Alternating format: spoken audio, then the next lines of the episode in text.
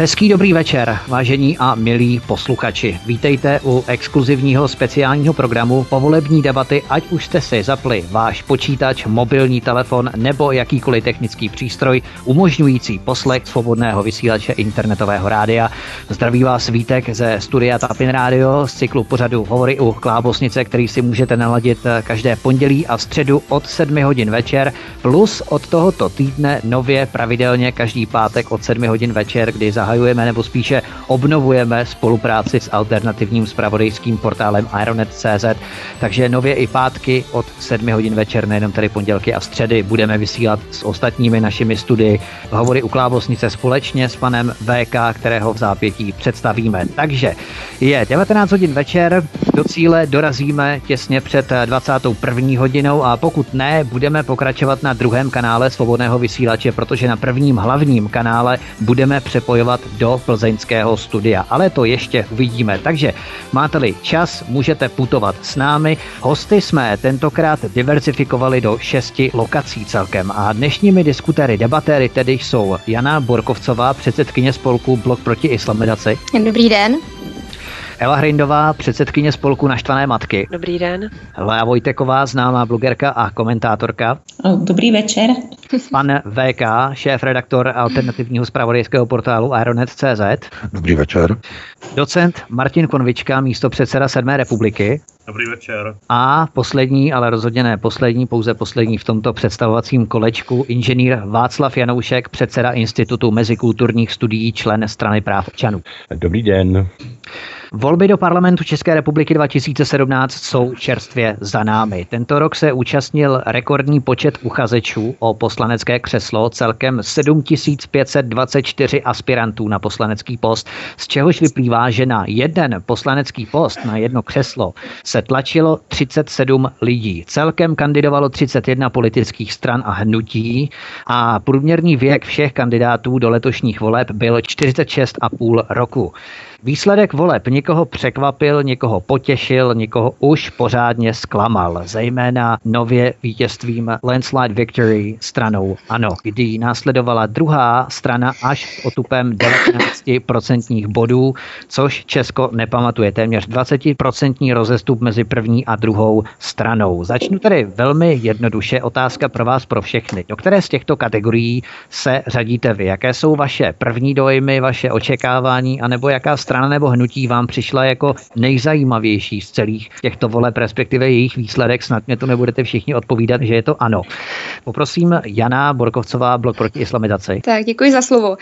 Já jsem určitě v té skupině, která je, skupině, která je naprosto fascinovaná. A to určitě vítězstvím samozřejmě pana Babiše a, a teda i Pirátů. Nechci, nechci říkat tím, jak jsem fascinovaná vítězstvím ano, už z několika důvodů. On prostě Babiš je opravdu naprostý fenomén.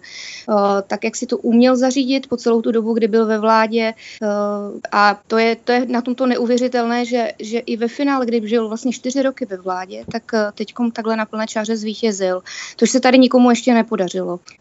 To znamená, že voličům je to ukazatel. Voličům nevadí nějaká jeho minulost STB, nevadí mu podivné privatizace anebo získání toho chemického průmyslu, ať to byl Unipetrol a tak dál. Nevadí mu vlastně ani to, že vlastně celou dobu v té politice působil, když byl ten, kdo byl v pozadí, předtím, než vlastně v roce 2013 se dostal do parlamentu. To, že, to, že měl napojení na všechny politiky možné, to je neuvěřitelný. Od, od sociální demokracie, že Standa Gross, Škromach, ale i Miloš Zeman, jo, který mu právě s Unipetrolem pomáhal, ale i přes komunisty s Filipem, prostě úplně ze všema možnýma lidma, až pak se teda mu podařilo se dostat do parlamentu a navíc teď po druhé a takhle s takovým brutálním vítězstvím. Nevím, nejsem si úplně jistá, čím to jako úplně bude, ale ono to bude takovou tou jednoduchou kampaní a takovým tím jednoduchým cílením. Každopádně jako to, co jsme tady tři a půl roku, čtyři roky od něho slyšeli, bylo to, že on je nejlepší minister financí, takže ty lidi to pak teda nějakým způsobem absorbovali. A určitě to bude i tím, že na všechny ty kauzy, které postupně vyplouvaly, ať to bylo Čapí hnízdo a, že a tak dál, tak hmm. na všechno prostě měl jedinou odpověď. To je kampaň proti mně. Oni mě chtějí zničit. A to ty lidi pravděpodobně dostalo. My musíme totiž ještě taky vzít v potaz to, že, že on je obrovský mediální magnát a že oslovuje nějaký 2,4 milionů lidí denně, jo, díky svým médiím. Takže ono se to pak taky snadněji dělá. No, já už jsem ještě chtěla ty Piráty, což tam se mě líbila strašně jejich kampaň, protože oni opravdu dovedli přesvědčit mladé lidi a další voliči jejich, nemyslím si, že to byli jenom mladí lidé, o tom, že oni jsou antisystémová strana. Přitom oni antisystémová strana v zásadě vůbec nejsou. To víme všichni, že jo, pravděpodobně, kdo tady sedíme. Takže to je podle mě úplně taky naprostý majstrštych. Takže tyhle volby jsou o kampaních a o tom, jak to umí uh, ti politici s lidmi. Neuvěřitelné. To znamená, že PR agentury a různé marketingové agentury si zkouší jako na Petriho misce další motivy a v podstatě hmm. další procesy řízení, jakým způsobem pracovat s lidmi, jakým způsobem profilovat eh, ty strany tak, aby rezonovaly s co největším počtem lidí. Ty jsi se toho částečně dotkla eh, profilu, řekněme, psychologického, takového toho typického voliče hnutí ANO 2011. Já bych předal slovo Evě Hrindové z Naštvaných matek. Evi, co tebe zaujalo na letošních volbách? Jana se tu už částečně dotkla i Unipetrolu. Eh, vzpomínáme si na listopad 2005, kdy se Ivan Langer setkal s Andrejem Babišem v rámci toho Unipetrolu a tak dále. Ale to se vracíme příliš do minulosti, i když eh, je trend vracet se do minulosti maximálně čtyři roky a déle už si to nepamatujeme. Ale Evi, co tebe upoutalo na letošních volbách? No, mě, mě na těch volbách zas tak nic moc nepřekvapilo. Já jsem předpokládala, že Piráti budou mít zisk kolem 8%, nakonec měli přes 10. SPD jsem typovala na nějakých 15, ano, jsem typovala na 25, takže jsem se úplně netrefila, ale ty trendy v tom, jak lidi rozhodnou, byly eh, každému, kdo je v kontaktu s lidma, kdo umí s nadhledem sledovat dění ve společnosti, tak každému tyto trendy musely být jasné. Takže já nejsem tím výsledkem nějak zásadně překvapená a jen jsem ještě více utvrzená v tom, eh, že je potřeba neustále s lidma eh, komunikovat a dělat jakousi osvětu, eh, protože už jsem o tom mluvila na setkání nezúčastněných. To, co fascinuje mě, není ani tak Babiš, ani tak Piráti. Mě naprosto fascinuje to, jak lidi neumí, neumí převést své, své politické postoje do, do svého politického chování. Takže takovým typickým příkladem jsou právě ti Piráti, kteří jsou v podstatě multikulturalisti toho nejhrubšího zrna a volilo je spousta lidí, kteří nemají rádi islám a migraci, což je úplně v totálním rozporu s jejich eh, nějakým přáním. A je to v tom, jak lidi neumí posuzovat politiky, jak se rozhodují na základě, eh, na základě nějakých povrchních postojů, nějakých povrchních kampaní.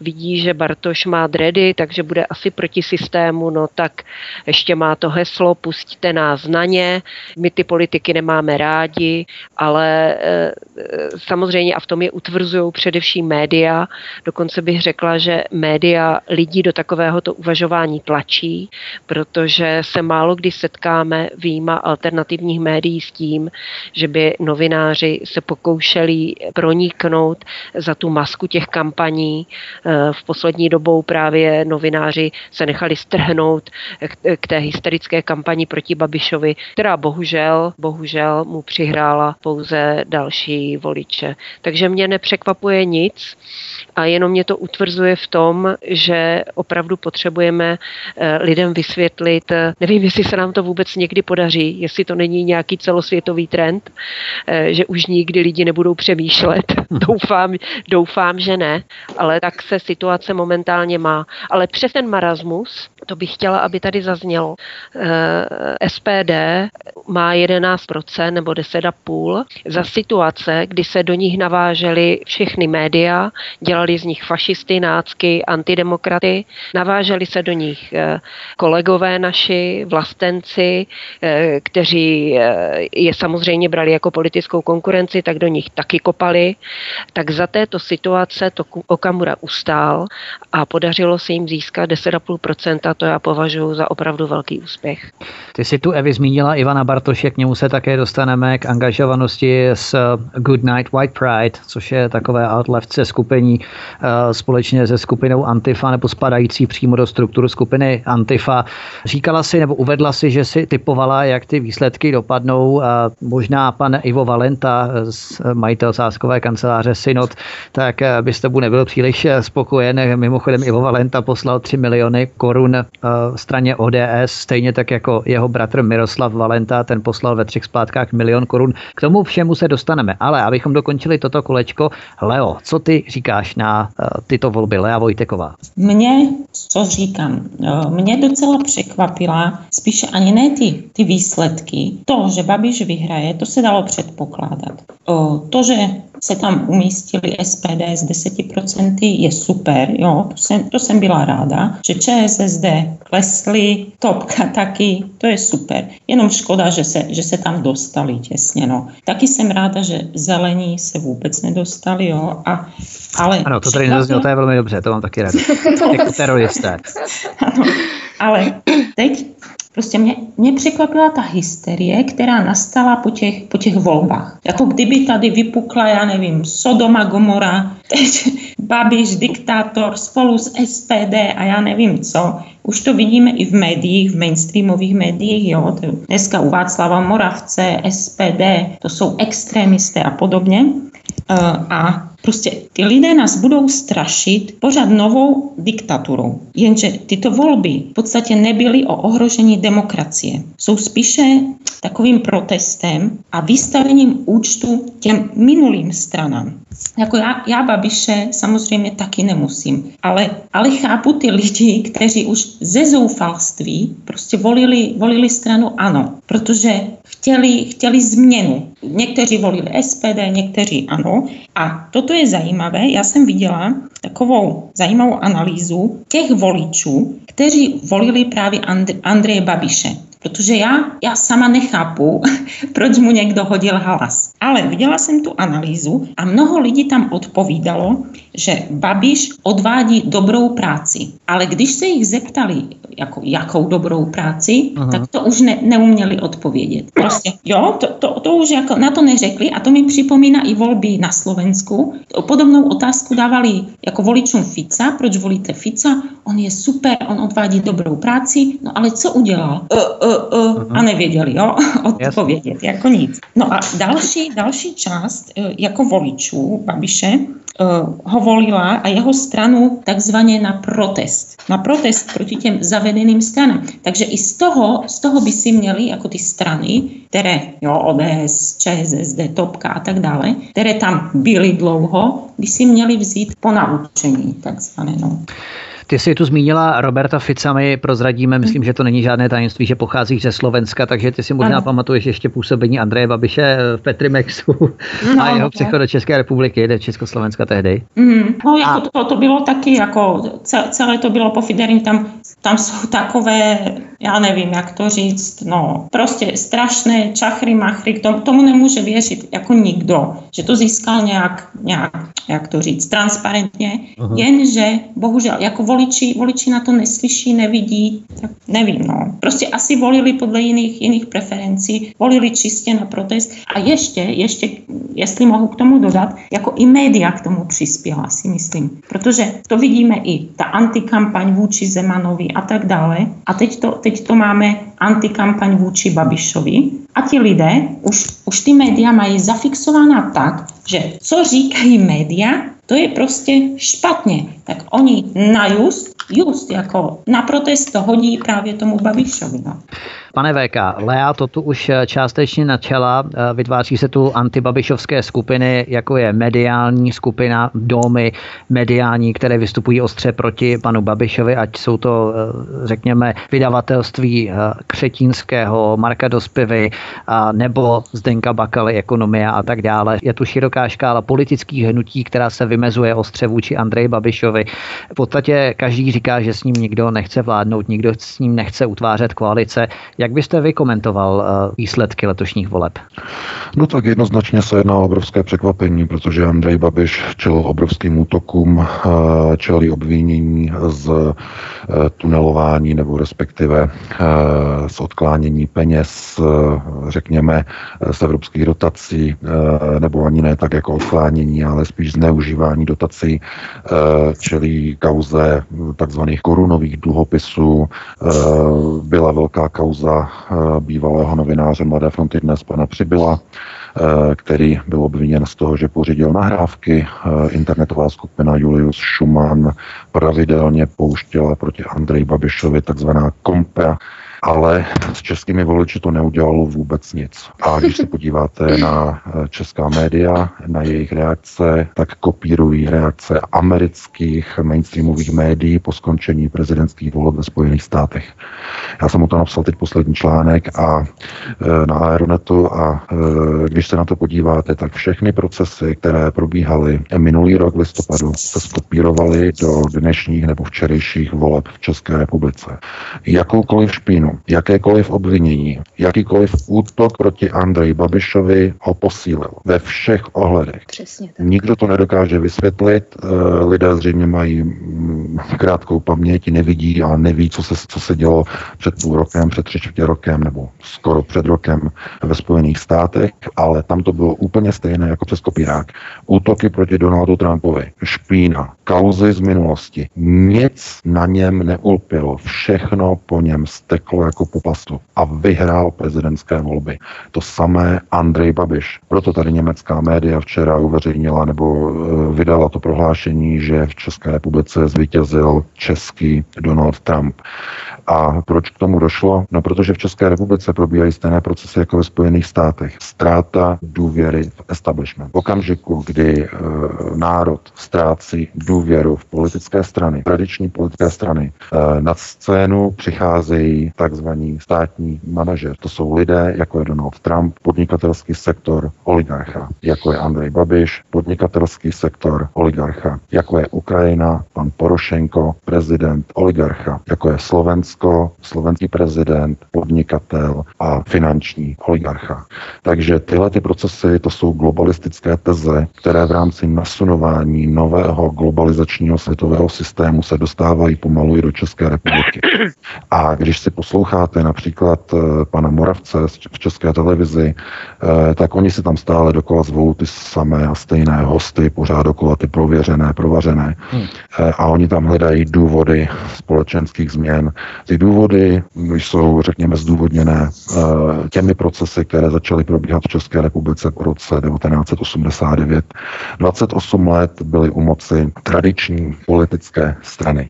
A v systému, já tomu říkám ne demokracie, ale demokratura, despotické demokratury, docházelo k tomu, že byl bez ohledu na to, jestli zvítězila levice nebo pravice, docházelo k rozkrádání, k odklánění, ke skandálům, ke kauzám. A voliči v rámci nového nasunování nebo nasunování nového světového systému kopírují ty procesy, které probíhají ve Spojených státech, které proběhly minulý rok v Británii v rámci Brexitu, které probíhají v celé Evropě, které proběhly minulý týden v Rakousku. To všechno je jeden komplexní proces, kterému bude čelit v následujících měsících a letech i Česká republika. A lidé si musí uvědomit, že tradiční politické strany končí. Je to plán globalistického systému řízení. A jestli je to dobře, nebo je to špatně? No, musíte se na to podívat tak, jestli pro vás je důležitý zachovat si národní teze, zachovat si národní identitu, vlastní jazyk, vlastní hranice státu a zejména rozhodování o vlastní budoucnosti a o vlastní zemi. Pokud po tomto toužíte, tak jste v roli antiglobalistů a jste v roli nepřátelů systému takzvaného evropského nebo můžete říkat bruselského systému.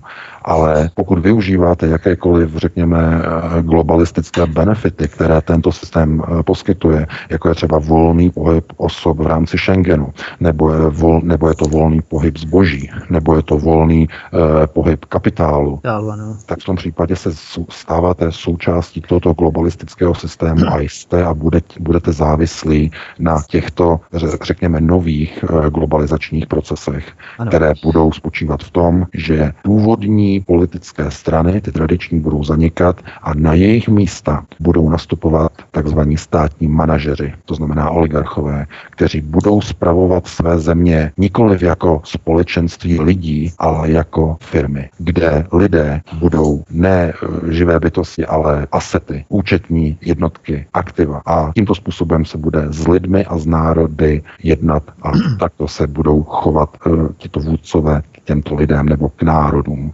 Takže uh, si... já, jaký mám pocit, já to jenom uzavřu, ano, ano. Uh, já, jaký mám pocit z výsledku voleb, mě nepřekvapují. Já jsem rád, že uh, hnutí SPD se dostalo do parlamentu.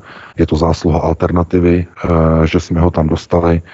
Eh, jsou tam nějaké problémy, o kterých nechci hovořit eh, uvnitř SPD, určitého, řekněme, eh, manažerského charakteru, vyhazování různých lidí čtyři dny před volbami, což připravilo SPD zhruba o 4 až 5% ale přesto já jsem rád, že se SPD dostala do parlamentu, nicméně bude si muset dávat velký pozor na procesy, které probíhají uvnitř stranických organizací SPD, protože informace, které máme, nejsou příznivé, nejsou dobré. Eh, Tomio Okamura bude muset odvést ještě mnoho a mnoho práce, aby dokázal svoji stranu skutečně etablovat na politické scéně. Takže já bych tímto předal slovo vám všem ostatním. Ano, skvělé, my vám děkujeme, pane VK. Vy jste tu zmínil i oligarchy, kteří se chápou moci, ať na Ukrajině, v České republice, stejná linie jako Macron ve Francii, anebo Viktor Orbán v Maďarsku a tak dále. Já bych jenom doplnil absolvent, to možná někteří z vás nevíte, absolvent eh, Středoevropské univerzity, Central European University v Budapešti, je Margelašvili. A to je prezident Gruzie, který byl zvolen po Sákašvilim, po Michailu Sákašvilim, který působil v Oděse na Ukrajině. Teď eh, ztratil, přišel občanství vlivem eh, určitých procesů na Ukrajině v rámci Petra Porošenka a tak dále. Nicméně eh, po Michailu Sákašvilim byl právě do Gruzie zvolen pan Margelašvili, a což je absolvent Serešovy Středoevropské univerzitě v Budapešti, takže v podstatě to je jenom další z té řady plejády oligarchů, kteří se postupně dostávají k řídí řídícím procesům a pozicím na čele jednotlivých státních systémů a zřízení. Martine, je typické tedy, že se může vytvořit figura, která bude odrážet v podstatě všechny útoky, byť se jednalo o velmi sofistikované pokusy o dehonestaci nějaké osoby, ať to jsou soustředěné útoky médií, politiků. Vytvářel se tady proces antibabišovského formátu opravdu nebývaných rozměrů, nic z toho nepomohlo. Je to typické, jak by si ty komentoval výsledky těchto voleb? Eh, tak já začnu tím, že jsme za podstatný pokladám propad tradičních stran. To už tady bylo zmíněno a můžeme si ty důvody vysvětlovat různě, ale já bych se v tom eh, připojil k jinému VK, sice k, v, k Václavu Klauzovi staršímu, který prostě obvinil pár dnů před volbama tradiční strany z toho, že přestali reagovat na to, čím společnost opravdu žije. Přestali prostě vnímat ty procesy nadnárodní a národní a zahrabali se do svého politikaření a tudíž si svůj propad pod 10% nebo k 10% procentům všechny plně zaslouží. E, s panem VK zde přítomným, tedy ne Klausem, bych v jedné věci mírně nesouhlasil. On říká, e, jsou, je, nastává tady doba oligarchů, ale pak jmenoval e, osoby a, či osobnosti velmi různé, že od toho ukrajinského pajtaše až po Viktora Orbána z Maďarska. Někde mezi nimi by se dal, někam mezi ně by se dal zařadit náš Andrej Babiš. Ono je to, já to vnímám tak, že skutečně tím, že tradiční politik politika, strany, ale i média, i akademici přestali nějakým způsobem pojmenovávat problémy a reflektovat ty děje ve společnosti tak volič hledá spasitele samozřejmě. Když tady ne, není nějaké, když se nemůže upnout k uskupením, k tradičním elitám hledá spasitele a teď ten spasitel nějaký se vždycky najde, že jo, vyprofiluje a nyní samozřejmě záleží strašně moc na tom, co je to za člověka a co s tím svým spasitelstvím udělá. A tady vidím ten obrovský rozdíl mezi Orbánem či Donaldem Trumpem, kteří jsou, já, ono to zní trošku předpotopně, ale jakýmsi způsobem ideově či hodnotově zakotvení. My prostě tušíme, proč dělají, co dělají, kam směřují, oč usilují. A Andrejem Babišem, eh, u něhož jediné ideové zakotvení, které tak nějak vidím, je neomezená láska k Andreji Babišovi. Že jo. Eh, a člověk nemusí být ani moc amatérský psycholog, aby pochopil, že takovouhle neomezenou láskou se vyznačují narcisové, či psychopati, či prostě lidé s těmi, jako řekněme, osobnostními sklony. A oni mají jednu obrovskou výhodu v tom politickém boji. Oni totiž postrádají sebereflexy a skutečně věří všemu, co říkají. A jim úplně jedno, že si protiřečí, zkrátka působí u toho důvěry hodně. A volič, který samozřejmě je zmaten z toho dění ve světě, tak a teď tady má nabídku několika spasitelů, tak samozřejmě půjde za tím nejdůvěryhodnějším spasitelem, protože tento zařídí. Takhle asi vysvětluji fenomen, celý fenomen Babiš. A pak se tady mluvilo ještě o onom překvapení zvaném Piráti a tomu jenom malinko, malinko. Eh, Piráti měli výborného marketéra samozřejmě, ale eh, a naprosto, naprosto šílený a zúvěřili program, ale to je úplně jedno. Je zjevné, že volili mladí lidé a tady zafungovala taková zajímavá smyčka, psychologicko-politická. Oni prostě vystoupili s takovým tím cool výhledem a chov, vzhledem a chováním. Prostě oni jsou ti pohodáři, oni jdou proti všem, oni si ze všeho dělají legraci, eh, tudíž, že budou mladí lidi, které ti papaláši už taky štvou a e, štve je tam pokrytectví a tohle všechno, tak půjdou za nimi, protože oni vyzařují, že teda možná nejsou pokrytečtí a možná jsou, tak říkajíc, v pohodě. Jenže další krok je, že cokoliv tihleti obří pohodáři s nadhledem a humorem řeknou, tak vlastně bude cool, protože to jsou oni a říkají to ti cool chlapci a děvčata. Takže jakmile oni teď začnou, a dříve nebo později, spíše dříve začnou eh, s nehoráznou výtačskou retorikou a eurohujerstvím a všema těma svazáckýma věcma, tak to prostě pro část elektorátu bude cool. Čist čistě proto, že to říkají tihleti eh, vypohodění, eh, rebelsky odění lidé. To je samozřejmě velké nebezpečí, současně jsem ale klidný, protože eh, takováhle v podstatě povrchní jenom marketingová politika může fungovat velice krátkou dobu, nepřežije ani jedno volební období. Nakonec vidíme to na francouzském prezidentovi Macronovi, který už teď je nejméně populárním francouzským prezidentem všech dob. Pane VK, Martin Konvička se vás několikrát dotkl v rámci vašeho projevu projevu. Já bych přece jenom dal ale předtím slovo Václavu Janouškovi, který ještě neokomentoval tyto volby a potom třeba můžete zareagovat, pokud budete chtít. Poprosil bych jenom nějaké detailnější rozbory si opravdu necháme na ten pátek, protože už eh, v podstatě ani jsme se všichni nevystřídali, uplynulo půl hodiny. Takže eh, potom to budeme muset nějakým způsobem eh, zkrátit v tom směru, že když bude chtít někdo odpovídat na dotaz, který vznesu, tak se asi přihlásí a nebude muset asi každý odpovědět na určitý dotaz, anebo můžete reagovat případně na sebe. Tak, pane Janoušku, Martin Konvička tu načrtl určitý sociologický model v rámci těchto voleb. Jak byste to komentoval vy, výsledky a co vás překvapilo, co vás naopak rozčarovalo? Tak já jsem samozřejmě taky čekal vítězství ano a pana Babiše, čekal jsem trošku méně hlasů, trošku menší procento, asi jako Eva Hrindová 25 až 27 jsem rád, že SPD eh, Tomia Okamury má dvojciferný výsledek. Čekal jsem taky trochu vyšší, takže na jednu stranu dobře, na jednu stranu je to tak úplně taky nepotěšilo. Doufal jsem, že se nedostane, že se nedostane topka, že se nedostanou starostové, takže to mě taky úplně nepotěšilo. Takže můj, můj pocit z těchto voleb je, že se to v podstatě od těch minulých voleb posunulo jenom velice mírně, jenom velice mírně, protože skutečně ČSSD, a tady jsem rád naopak, dostala zasloužený kotel, protože eh, její kauzy, že jo, OKD, její kauza litiu v poslední době, to prostě jí nutně muselo potopit i u toho nejzabednějšího voliče a nemohlo jí to projít. Takže, takže jsem teda opravdu rád, že ČSSD dostala na frak. No a jinak teda bych taky tak trošku nesouhlasil s panem VK, že nastupují, že vlastně nástup těch globálních nebo státních manažerů znamená nasouvání globalizace. Naopak si myslím, že to znamená znamená, naopak lidi tu globalizaci odmítají a snaží se volit národně orientované vůdce, ať už to vidíme teda v Maďarsku, v Polsku, pan Orbán, že jo, pan, pan Kačínský, že jo, paní Šidlová, e, čili že vlastně jakoby odmítají ten multikulturalistický koncept. I ten Donald Trump vlastně byl v opozici vůči tomu takzvanému deep stateu, to znamená vůči těm globálním elitám.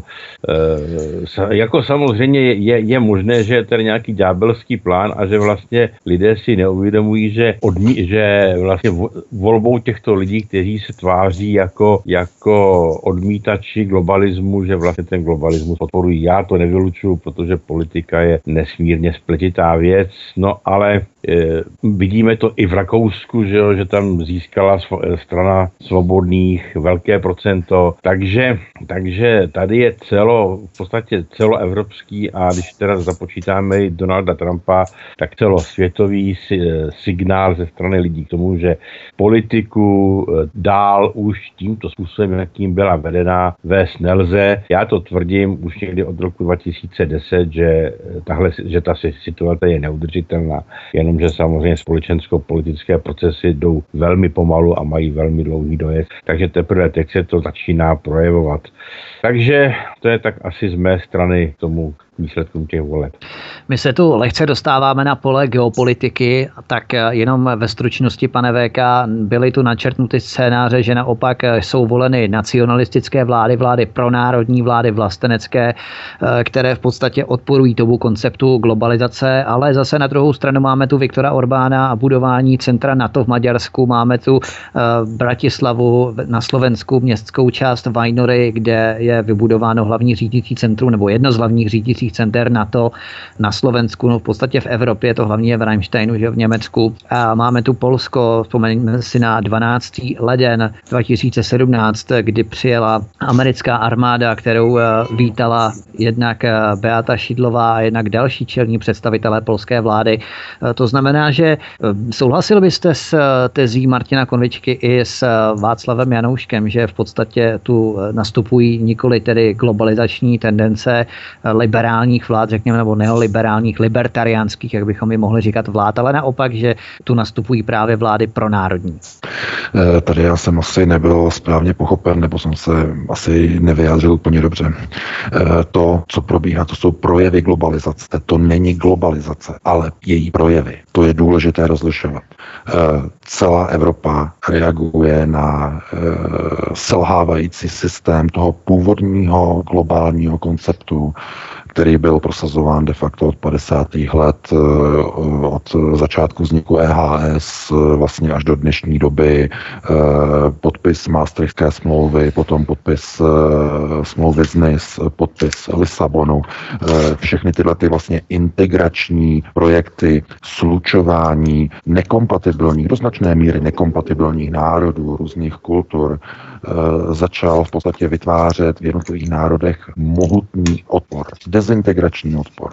A když se podíváte na eh, ty poslední procesy, které probíhají, řekněme, právě od minulého roku, od eh, okamžiku Brexitu, to znamená od června minulého roku, tak vidíme, že najednou se mění eh, to, o čem mluví globalisté, to znamená velcí bankéři, nadnárodní společnosti, firmy, o čem hovoří v rámci takzvané čtvrté průmyslové revoluce. O čem se hovoří? No, že z té globální úrovně, to znamená, že zboží, produkty, služby jsou v rámci globalizovaného světla, světa vyráběny někde jinde, někde daleko, tak se mají v podstatě přesouvat do lokálních prostorů, do uzavřených, řekněme, společností nebo malých komunit, které budou soběstačné.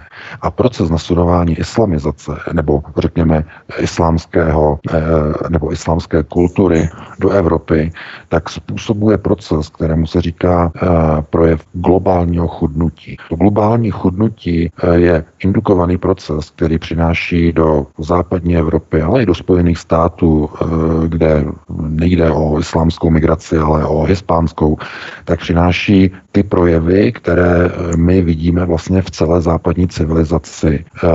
Lidé chudnou, ale neuvědomují si to.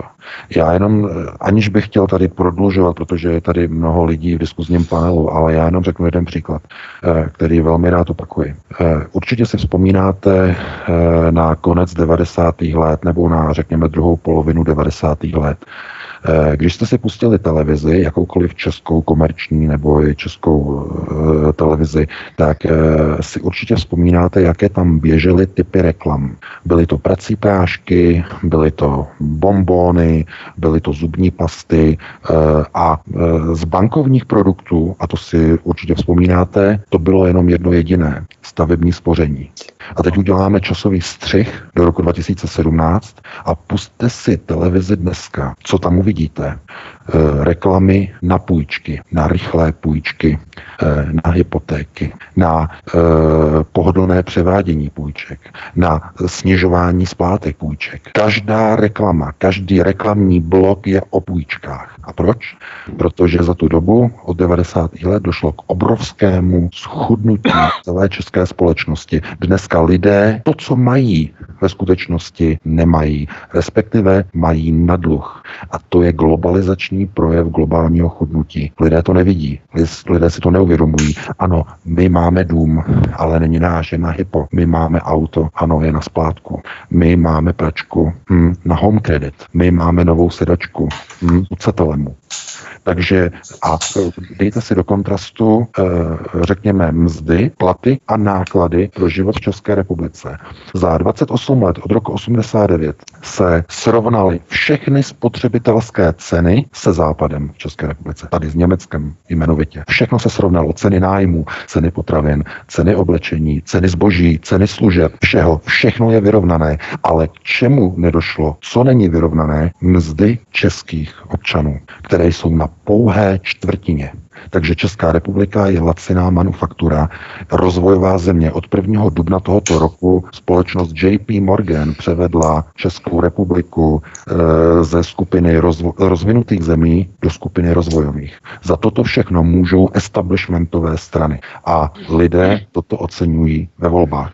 Takže je to globalizační projev. Není to globalizace ve smyslu, toto bychom nazvali jako globalizací. Ne, je to globalizační projev. A protože tento globalizační projev projev je chorobný, proto vzniká proti jim, jim odpor. Proto vznikají národní hnutí, lidová hnutí, hnutí proti odporu, proti migraci, protože lidé cítí, že ta chudoba je indukovaná zvenčí. V rámci globalismu ve Spojených státech, kdy odcházela pracovní místa do zahraničí, to, tento proces globalizoval eh, nebo řekněme indukoval onu snahu nějakým způsobem řešit globalizaci. Nicméně této globalizace už se nejde zbavit.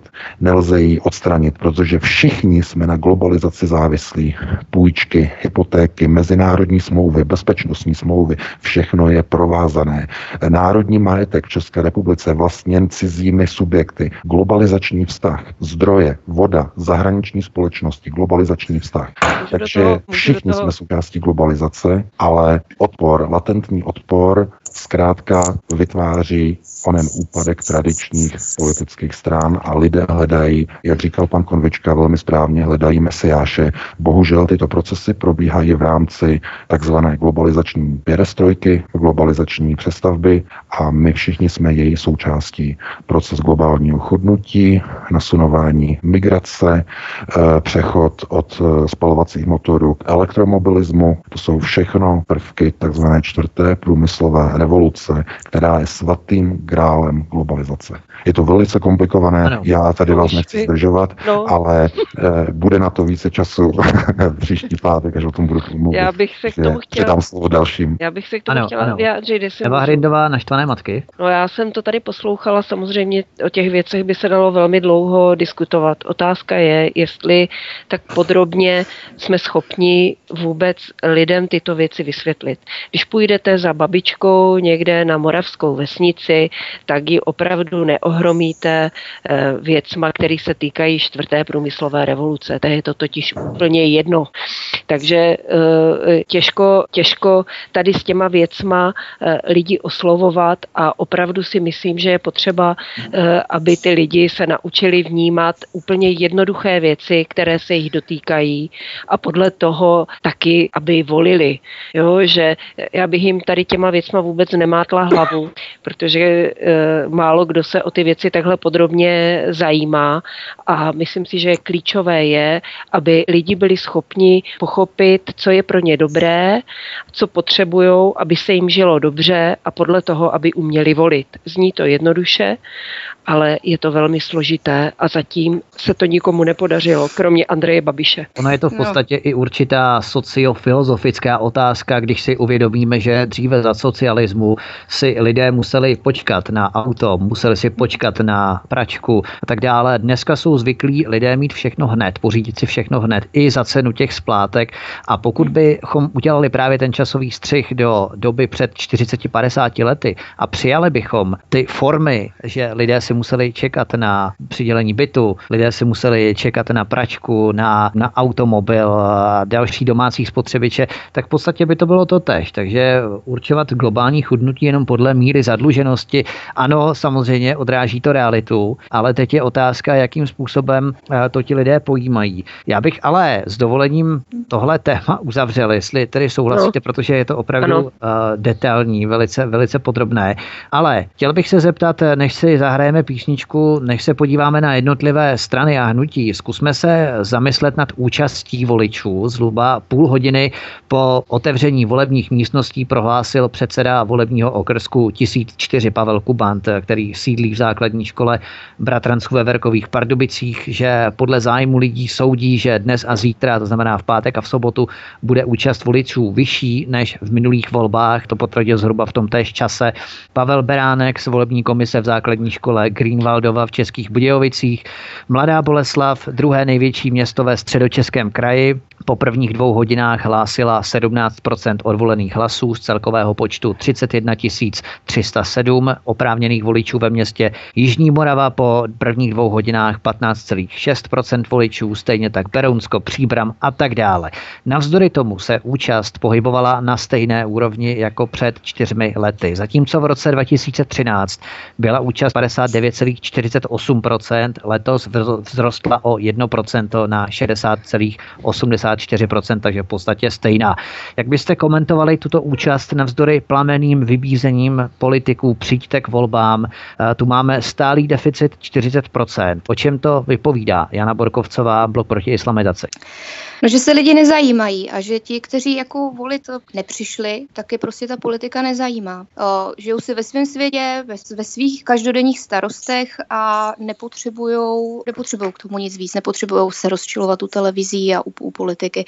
Ono totiž, když to takhle vezmete, tak a podíváte se na to, jak dopadly jak které strany, tak je potřeba si uvědomit, že těch opravdu jako voličů, kteří se o tu politiku denně zajímají, myslím si, že ty otázky Václava Moravce už nikdo teda nesleduje, ale asi pár procent možná, jo. Ale uh, co se zajímají o to, jak to, aspoň povrchně, jak to probíhá, je, je to posčítáte v procentech na prstech uh, rukou. To nebude víc, protože uvědomělí voliči, kteří jsou si jasně vědomí toho, co chtějí, budou voliči zelených, ať se nám to líbí nebo ne, budou voliči topky, ať se nám to líbí nebo ne. A pak samozřejmě ty pevné jádra těch uh, starých stran, jako jsou KDU, ČSL, ČSSD, komunisti a i ta ODS. Jo.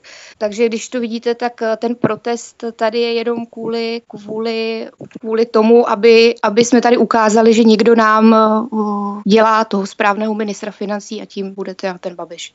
Mě totiž zaráží ještě jedna věc, že oni všechny ty strany, kdybychom se četli ty jakoby opravdu protisystémové, od, od Okamury až třeba pro Van, po Vandase, dostali v podstatě nějakých 14,46%. To je pečteno potrženo i se svobodnýma. Hmm. A oproti tomu dostali všichni ti sluníčkáři, jak jim říkáme, uh, hrubě přes 22%, možná 25%, když tam přičteme třeba i ty sociální, přes 30, možná i víc daleko, když tam dáte ještě sociální demokraty, kteří byli vlastně pro unijní celou dobu a pro imigrační a bla, bla, bla. Jo Takže, takže ty, který, to, ty, který ta politika nezajímá, volit prostě nikdy nepřijdou. Možná až tady opravdu začnou bouchat, bouchat nálože a jezdit splašené dodávky. Možná je to pak zvedne, ale nepřijdou jenom kvůli ideálům. Ono totiž, když si to ještě vezmete, tak on jako Babiš není žádný ideolog. Ten, ten si razil celou cestu uh, tím heslem, že ano, bude líp. No. Hmm. Takže, takže ono jako je to jistým způsobem guru. Já to fakt přičítám uh, tomu jeho šílenému mediálnímu dosahu a tím, že má vlastně speciální jako poradce že jo, na, to, na, na to jeho PR. Takže jestli, jestli má smysl jako objíždět lidi a vysvětlovat jim něco, to jim stejně jedním uchem půjde tam a druhým vem, nevím, nevím, jestli je úplně ta cesta. My jsme tu načrtli volební účast v České republice. Připomeňme, že tu máme dva lidi z ciziny. Lea je ze Slovenska, pan VK z Německa. Leo, co se týče Slovenska, tam první hodinu stáli Češi v Bratislavě frontu a hlasovalo 103 Čechů na České ambasádě v první hodinu v Bratislavě. Celkem je na Slovensku na zastupitelském úřadě vedeno 486 Čechů. Máš nějaké informace, jak Češi žijící na Slovensku volí nebo spíše pasivně přihlížejí, o čem se baví, co sledují na české politice, jestli ji vůbec sledují? O, takto, jako nějaké relevantní informace nemám, jo, ale co, co vím od přátel nebo nějak z tak Facebooku nějak to přesně, a tak to dále, no, takhle, tak oni, ale já nevím proč, to, to přišlo, ale to přišlo z celé Evropy, že jako vyhrála TOP 09. Všude, všude.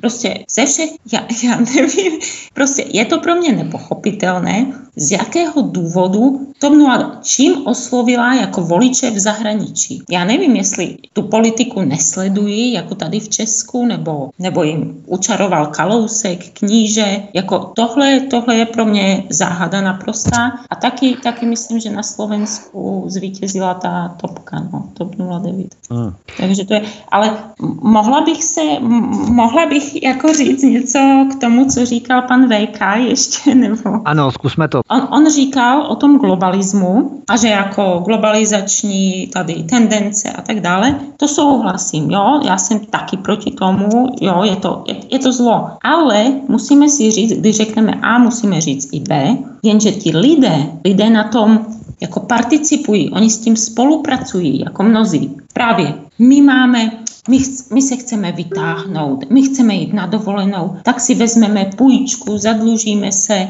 a už to jede, jo, a už ten konzum a ta globalizace, takže to je jako... Prosím. Já jsem to říkal, přesně tohle to jsem říkal. No, no, no, jako ano, prostě to, to, to není jenom, že, že by ti oligarchové jo, to, to vytvářeli. To vytváříme bohužel i my, my samotní lidé. No, jako, neříkám my konkrétně, ale někteří většina občanů. No, takže já těžko, těžko říct, jak proti tomu bojovat. No, to je... Hmm. Možná příště uděláme pořád o globalizaci. Nikoli o volbách, bude to fragmentovanější. Nicméně, pane VK, celkem bylo zaregistrovaných k volbám v zahraničí zhruba 9 tisíc Čechů žijících v zahraničí. Vy jste v Německu, tam se registrovalo 550 Čechů a vy jste byl jedním z nich, kdy jste stál za tou plentou, neviděl jste tam někde schovaného Putina, že by vás nějak ovlivňoval, koho máte volit?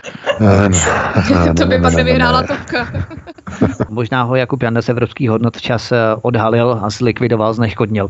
Ale takže jste se musel rozhodovat zcela samostatně. Nebyl jste ovlivněn ruskými hackery, ani Ironet není ovlivněn ruskými hackery. Koho jste volil? Prozradíte to, už je po volbách. Uh, ne, prosím vás, tohle to ne, uh, protože uh, z jednoho jedno, jediného a jednoduchého důvodu. Uh, protože myslím si, že veřejně činné osoby a nebo lidé, kteří stojí za spravodajskými médii, tak velmi silně ovlivňují veřejné mínění. A já jako šéf-redaktor z spravodajského portálu nemůžu ovlivňovat veřejné mínění tím, že bych řekl, volil jsem toho a toho. My jsme chtěli udělat jakousi redakční podporu Eh, panu Okamurovi, ale nakonec to zašlo, nebo eh, nepřistoupili jsme k nějaké aktivní podpoře SPD, protože tam eh, začalo probíhat nebo začalo docházet k některým procesům těsně před volbami, eh, které jsou v natolik, řekněme, světonázorovém a ideologickém rozporu s mojím přesvědčením, že eh, jsme nemohli vyjádřit jako přímou otevřenou podporu redakce Aeronetu SPD. Ale zeptám se vás ještě na jednu otázku, pane Janoušku. Panují totiž totiž dva protichůdné názory. Jedni tvrdí, že Češi žijící v zahraničí by neměli volit, protože jsou odtrženi od každodenní české reality, dobrovolně se odstěhovali, tak nám domácím do toho jako nemají co mluvit.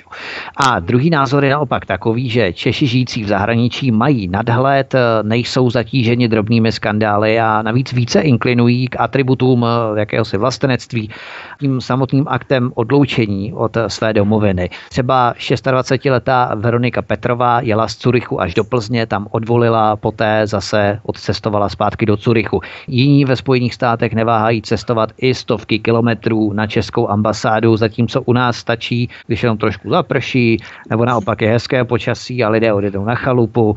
K tomu přihodím ještě jednu statistiku, Lea už to tady částečně načala. Češi v zahraničí nejvíce volili TOP 09, v těsném závěsu Piráty, pak ODS a jako čtvrtou KDU ČSL. Měli by tedy Češi v zahraničí volit, nepřistupují kolikrát k volbám zodpovědněji než samotní domácí, pane Janoušku? No tak já si myslím, že Češi v zahraničí, když mají české občanství, tak samozřejmě mají právo volit a já si myslím, že by měli volit. A i když teda to pořadí těch stran, jak volili Češi v zahraničí, mě neplní nějakým nadšením, tak prostě, e, prostě jsou to Češi a každý e, Čech by se měl účastnit voleb. Mě daleko více mrzí ta 40% neúčast voličů, protože vlastně 60% účast byla, znamená, že 40% voličů k volbám nešlo a myslím si, že to je špatně. Ano. Ti měli přijít k volbám a pokud jsou opravdu nespokojeni, tak to vyjádřit. E, oni řeknou, není koho volit, že jo, není, není, e, není výběr. Já si myslím, že to jsem někde, já nevím, kdo to říkal, e, kde jsem to už čet, že prostě politice nejsou andělé. Politice máte, máte jenom ďábly dvojího druhu. Buď to jsou prostě ďáblové, opravdu e, tvrdí, jako opravdu z pekla, nebo jsou to dobromyslní čerti z našich pohádek. Takže vol, volme aspoň ty čerty teda. K té neúčasti. To je samozřejmě zajímavý fenomén. Já jsem třeba slýchával od Jany Wolfové kdysi dávno, že ti nevoliči jsou ti mladí. Že jo? Teď jsme viděli, že mladá generace jako jeden muž volila e, Piráty a v podstatě těch 10%, e, jako o těch 10% nestoupla volební účast. Naopak se spíše zdá, že těch 10% bylo odkrojeno tu socialistům, tu lidovcům, tu zeleným, že jo. A takže e, to není jako pravda zjevně, že by to byli mladí, že by to byli staří. Tohle to jsou všechno pohádky, které nemají reálný základ, ale když se nad tím zamyslíme, tak kdo jsou evidentní nevoliči, a teď vemte si máme 40%, tak eh, pravděpodobně nebude moc e, voličů mezi lidmi opravdu chudými, deklasovanými, tou společností zválcovanými. To znamená bezdomovci, chronicky zadlužení, lidé v dluhové pasti, lidé, kteří takzvaně ztratili šanci a výhled, jo, a už je jim to prostě všechno jedno, už rezignovali. Kolik jich bude? 10%? Vůbec bych se nedivil. Další taková skupina nejspíš notorických nevoličů, až na výjimky, budou samozřejmě Romové, kterým to je jedno a pokud něco nedostanou, což se někdy děje, ale to se tak nevolí prostě. Ústí a... prý volili za dvě stovky, jsem slyšel. E, jo, ale to bylo třeba v Ústí v nějaké ulici, ale prostě jasně, oni jasně. nejen v Ústí a e, další taková, další taková e, skupina, teda jsem říkal, chudí lidé, deklasovaní lidé, e, potom lidé, kteří jsou v podstatě před tím systémem na útěku. My si neuvědomujeme, a nikdo to asi neví, kdyby jsme to věděli, tak bych, e, on, oni chtějí, abychom to nevěděli. E, nikdo neví, kolik lidí pracuje na černo v zahraničí, e, je prostě propadlých do šedé ekonomiky a v podstatě se raději nikde nevystavuje a raději nikde tu občanku neukazuje, protože zase mají obavy, oprávněné nebo neoprávněné, že po nich systém jde. A já mám obavy, že těchto lidí ne, dohromady s těmi novými není málo, že to klidně může být pětina populace. Pak tady máme nějaké ty staré lidi opuštěné, kteří sice si mohou zažádat o urnu, aby přišla domů, ale je to složité, že jo, hmm. neovládají komunikační technologie. Takže se obávám, že ta neúčast není ani tak fenomén, že by lidi nechtěli, ale aspoň z části, nikdo nevíme z jaké. Je to fenomén sociální, je to fenomén, že tady máme občany, kteří v podstatě ne, že by nechtěli, ale ani nemohou vykonávat tu, to občanství, protože už je ta společnost prostě odvrhla. Eva Hrindová naštvané matky. Já jenom jsem chtěla říct, ty jsi to říkal, že tady je, eh, politici vyzývali, ať jdou lidi k volbám. To si myslím, že není úplně pravda, protože politici nikdy nevyzývají eh, nějak opravdu upřímně lidi, aby šli k volbám, protože politici jsou, eh, se těší z toho, když lidí přijde co nejméně. Protože čím přijde méně lidí, tak tím větší váhu má jejich tvrdé a pevné voličské jádro.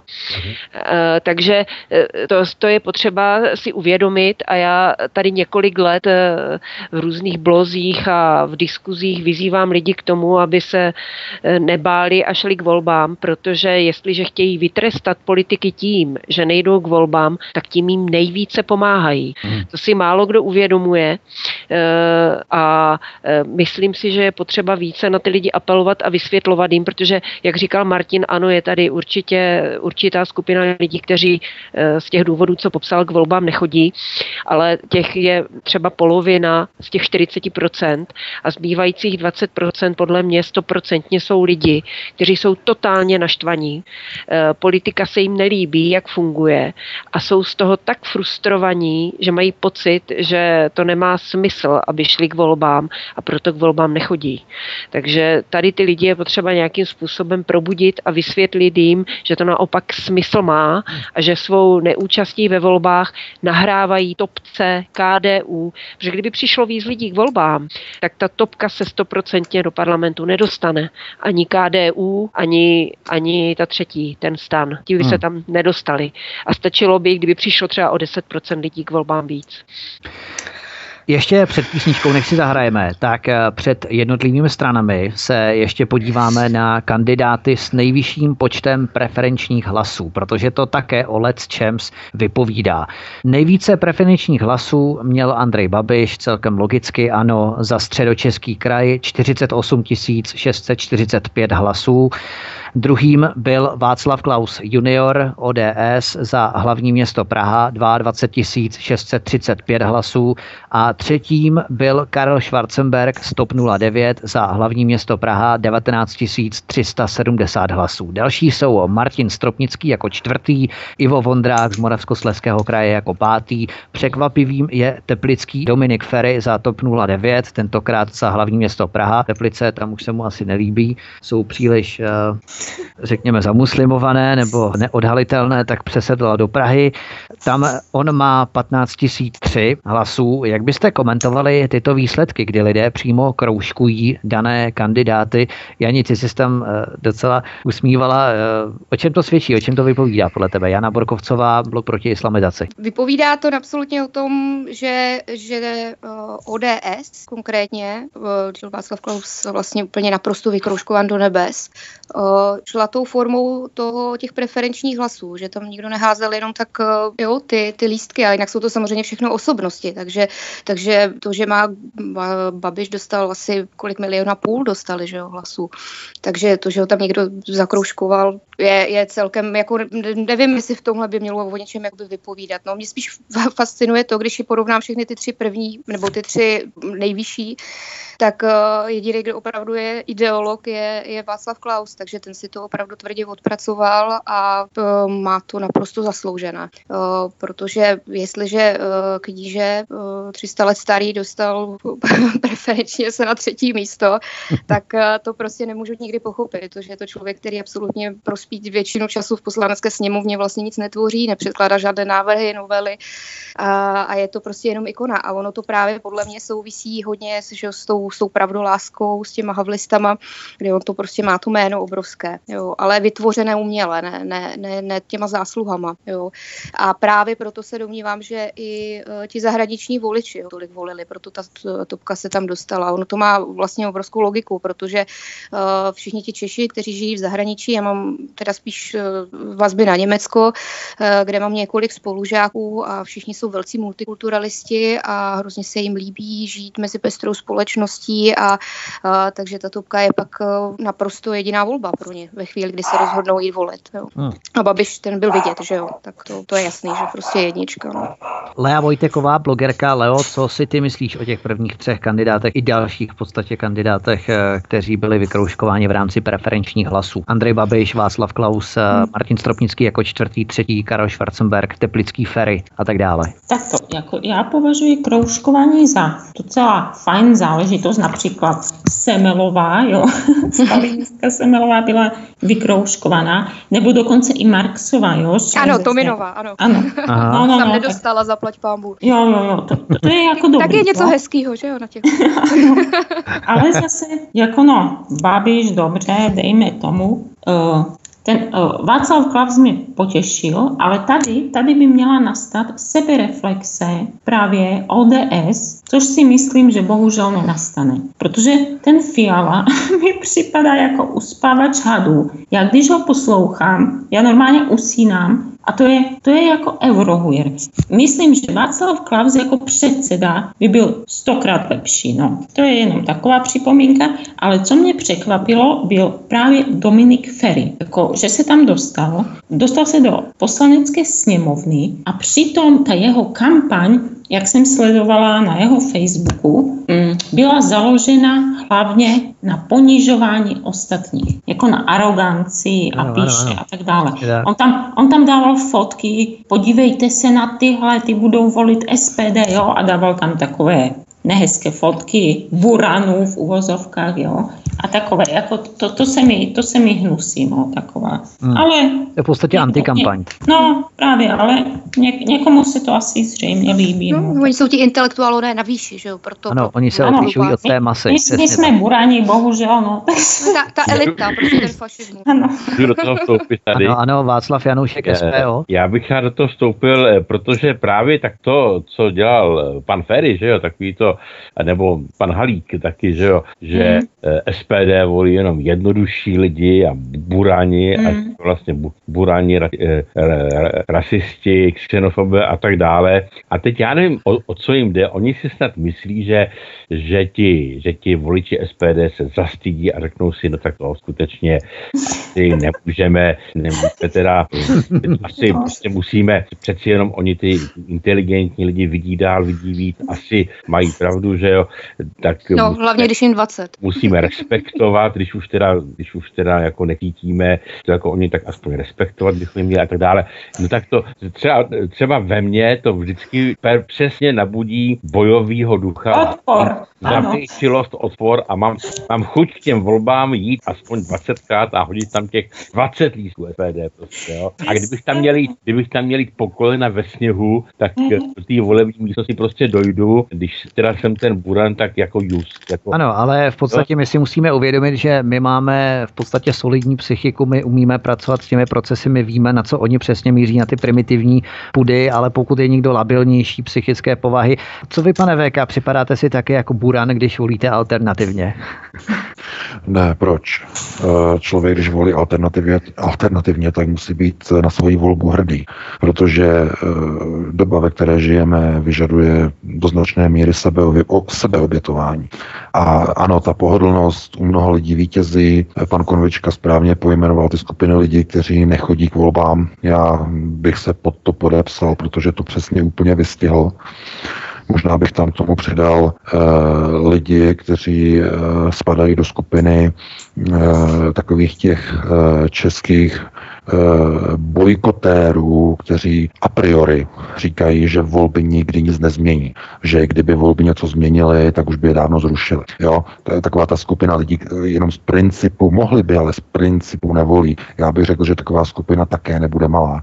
Ale eh, hodně. Eh, co se, co se týče vlastně jako jakéhosi postavení, nebo toho, jestli si člověk připadá jako blbec, nebo když někde řekne, já volím, já nevím, tady volím SPD, nebo tady Eh, volím, já nevím, rozumné, nebo tady volím SPOZ, nebo tady volím nějakou jinou alternativní stranu, která je pronárodně zaměřená, eh, tak eh, mnoho lidí se na vás podívá takovým tím křivým pohledem a řekne, no jo, xenofob, rasista. Ano, člověk se připravuje, připravuje už na a útok. Tak dále, a tak dále, ale lidé se za tady to nesmí stydět a musí říct a řekněte vždycky těm lidem, a co vám přinesli tihle politici, a co vám vzali. Takže nestydě stydět se za to, že člověk volí alternativně, protože pokud se za to člověk bude stydět, tak eh, zkrátka jenom poslušně strčí hlavu do toho Eh, jak už jsem říkal, globalizačního chomoutu, do toho mainstreamového politického proudu a eh, člověk bude šlapat, šlapat, šlapat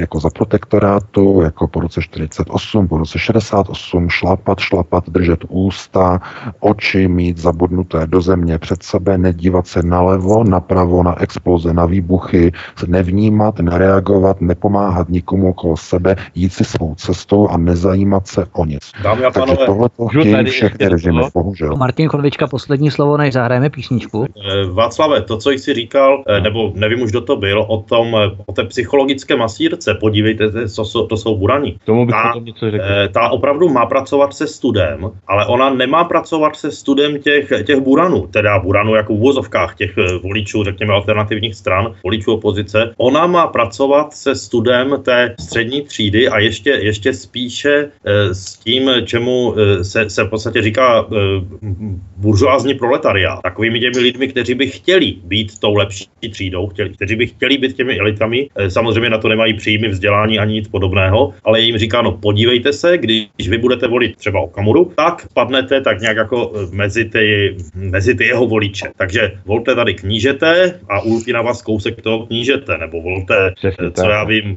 aspoň hmm. volte prostě establishmentově a kousíček toho lesku těch elit prostě na vás ano, spadne. Ano, ano. To je to, to je, to je ta psychologie, jo? takže ta psychologie není v tom, aby se zastyděli alternativní voliči, ale aby střed společnosti, aby ti slušní lidi, kteří chodí každé ráno do práce, co já vím, dělají laborantku v lékárně, zdravotní sestřičku, učitele na základce nebo cokoliv takového a hrozně, hrozně, hrozně moc by chtěli e, mít pěkné auto jako pan primář, že jo, nebo tyhle ty věci. A těmhletěm, těmhletěm lidem to má ukazovat. Opovažte se poslouchat, co vám říká ten Okamura, mohli byste prostě e, se stát takovými, jak, jak jsou ti jeho voliči. Hmm. To je samozřejmě veliká, veliká špinavost a, a e, nic jiného k tomu říct nedám. Nejdříve Eva Hrindová, naštvané no. matky, ono v podstatě to souvisí i s tím, jak lidé berou třeba i ty společenské časopisy, módní časopisy, čím planější jsou jejich naděje. E, nějaká celebrita si koupila kožich, jela na dovolenou tam a tam, koupila si, pořídila si jaké auto a tak dále. To znamená, že i lidé práhnou po těch věcech podvědomě a prohlížejí si to a něco podobného je to právě s tou politikou. Eva Hrindová, naštvané matky a potom Václav Janoušek SPO. Já, by, já bych chtěla reagovat na tu původní otázku, to znamená na ty preferenční hlasy, na ty zisky. A chtěla bych tady říct jednu důležitou věc, abychom si uvědomili, jak eh, obrovskou roli tady hrají média. Jana Burkovcová řekla, že Václav Klaus si to eh, vychodil, nebo že to má na ideologickém základu. Ale prosím vás, nezapomínejme na to, že Václav Klaus za prvé je synem Václava Klauze, takže je známý. A nejdůležitější věc, která mu pomohla získat ty preferenční hlasy, je jeho víc jak roční nebo dvouleté každotýdenní psaní komentářů do nejsledovanějšího webového portálu a to jsou novinky. Takže kdyby on toto neměl za sebou, tak by mu nepomohlo ani tisíc ideologií a ty hlasy by nezískal. Takže eh, to, se, to je vidět, to vidíte i na jeho facebookovém profilu, kde se mu podařilo získat přes 50 tisíc fanoušků, což je, eh, což je docela unikátní. On to získal za velmi krátkou dobu, ale všechno je opřené o to jeho, o to jeho já, já věřím tomu, kdyby třeba Martin Konvička nebo kdokoliv jiný tady z nás měl možnost na takto sledovaném serveru se projevovat svýmu názorama, eh, tak by také měl šanci získat tolik preferenčních hlasů. Takže eh, aby, bych to nepřeceňovala a je potřeba tam vždycky vidět tu roli těch médií. A ještě řeknu k tomu Babišovi, on má sice svoje média, jak tady zmínila Jana, Jana Bodkovcová, ale já třeba v autě poslouchám rádiu Impuls a nikdy jsem tam nic o Babišovi neslyšela. Hmm. Stejně tak eh, dvakrát týdně čtu Mladou frontu a eh, to nemůžu říct, že by to byly nějaké aktivistické noviny na podporu Babiše, takže on si to musel taky vydobít přes svoji marketingovou kampaň, kterou má opravdu jako dobrou, musel si to vychodit v ulicích v kontaktní kampani, je vidět v médiích, protože samozřejmě jeho protivníci eh, ho živí, protože ho neustále kritizují, tím pádem ho posilují, takže ty média a to, kolikrát je ten člověk kde vidět, je strašně důležité a vůbec to nesouvisí s tím, kdo má jaké názory. Václav Janoušek, SPO, před písničkou Poslední řeč. Já bych rád ještě navázal na tu Martinovou poznámku o té psychologické manipulaci, protože Martin vlastně řekl přesně to, co říkám já, že tady je to vlastně obrovská manipulace s pocity viny a studů takových těch takzvaných slušných lidí.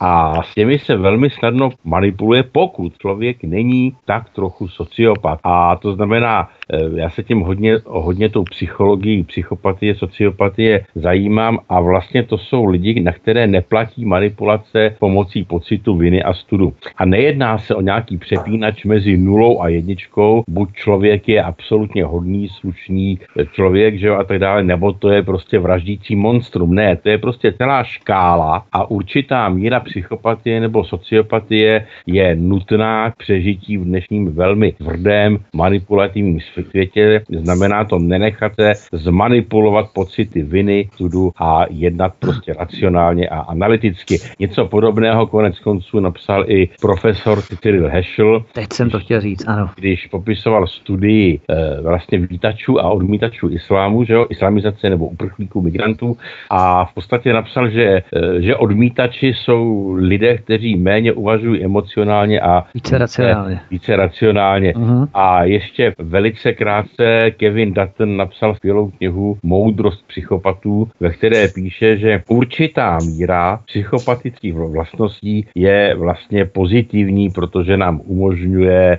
umožňuje nenechat se právě manipulovat pomocí viny, studu, nenechat se přivádět do rozpaků a tak dále a tak dále. To je jenom trošku, co jsem chtěl ještě doplnit. Jana Borkovcová, Eva Hrindová, Lea Vojteková, pan VK, Martin Konvička a Václav Janušek jsou našimi dnešními hosty. Posloucháte stále svobodný vysílač CS Studio Tapin Radio a cyklus pořadu hovory u Klábosnice speciální povolební vysílání, odkud vás zdravých vítek a po písničce už se vrhneme přímo na jednotlivé politické strany. Zůstaňte s námi, po písničce pokračujeme dál. Krásný dobrý večer, máme po písničce, takže se vracíme opět zpátky v našem exkluzivním povolebním speciálním programu vysílání na svobodném vysílači CS. U mikrofonu vás zdraví Vítek ze studia Tapin Radio v cyklu pořadu Hovory u Klábosnice. Našimi dnešními hosty jsou Jana Borkovcová, předsedkyně spolku Blok proti islamizaci, Eva Hrindová, předsedkyně spolku Naštvané matky, Lea Vojteková, známá blogerka, komentátorka. Já jsem to chtěl říct jedním dechem, ale to nedokážu. Pan VK, šéf redaktor alternativního spravodajského portálu Aeronet.cz, docent Martin Konvička, místo předseda Sedmé republiky a inženýr Václav Janoušek, předseda Institutu mezikulturních studií, člen strany práv občanů občanů. A jak jsme před písničkou slíbili, podíváme se přímo jednotlivě na politické strany. Zkusme si rozebrat stranu ANO nejprve, vítěz těchto voleb bezkonkurenční a zamyslet se nad tím, proč obdržela tak vysoké preference v podobě 29,64% hlasů, čili ANO volilo 1 500 113 lidí, milion a půl, jako vedla Jana Borkovcová v předchozím vstupu. A mají 78 poslaneckých mandátů. Začnu tím, že před několika měsíci v parlamentu Evropské unie ve Štrasburku proběhlo hlasování o strategické komunikaci pro zamezení propagandy proti Evropské unii alternativní scénou. Šlo v podstatě o regulaci internetu, zavedení cenzorských praktik a zamezení svobody slova. A pro zavedení těchto cenzorských praktik a škrcení svobody slova na internetu hlasovali Dita Charanzová, ano, Martina Dlabajová, ano, Petr Ježek, ano, Pavel Telička, předtím také ano. Hlasování o dalším přijímání krimigrantů ze Sýrie proběhlo v Evropském parlamentu 18 května 2017 a pro usnesení přijímat další uprchlíky do Evropy hlasovali Pavel Telička, tehdy ano, Petr Ježek, ano, Dita Charancová, ano, Martina Dlabajová, ano, čili europoslanci ano pro škrcení svobody na internetu, migrační politika jednoznačně. Ale na druhou stranu poslanec z hnutí ano, Zdeněk Soukup, založil parlamentní platformu zákonodárců na obranu evropské kultury a jejich hodnot. Zdeněk Soukup třeba uspořádal sněmovní konferenci s názvem Máme se bát islámu 18. května minulý rok 2016, kde vystoupila třeba i doktorka Klára Samková. To znamená, že ano, hrálo dvojitou hru, hru na dvě strany. Myslíte, že si právě tohle lidé neuvědomovali při hodnocení bezpečnostních rizik a odpovídající politické straně, která tohle řeší? Zajímá je vůbec podle vás bezpečnostní situace nebo co tvoří hlavní položky na žebříčku priorit voličů hnutí ANO? Jana Borkovcová bylo proti islamizaci.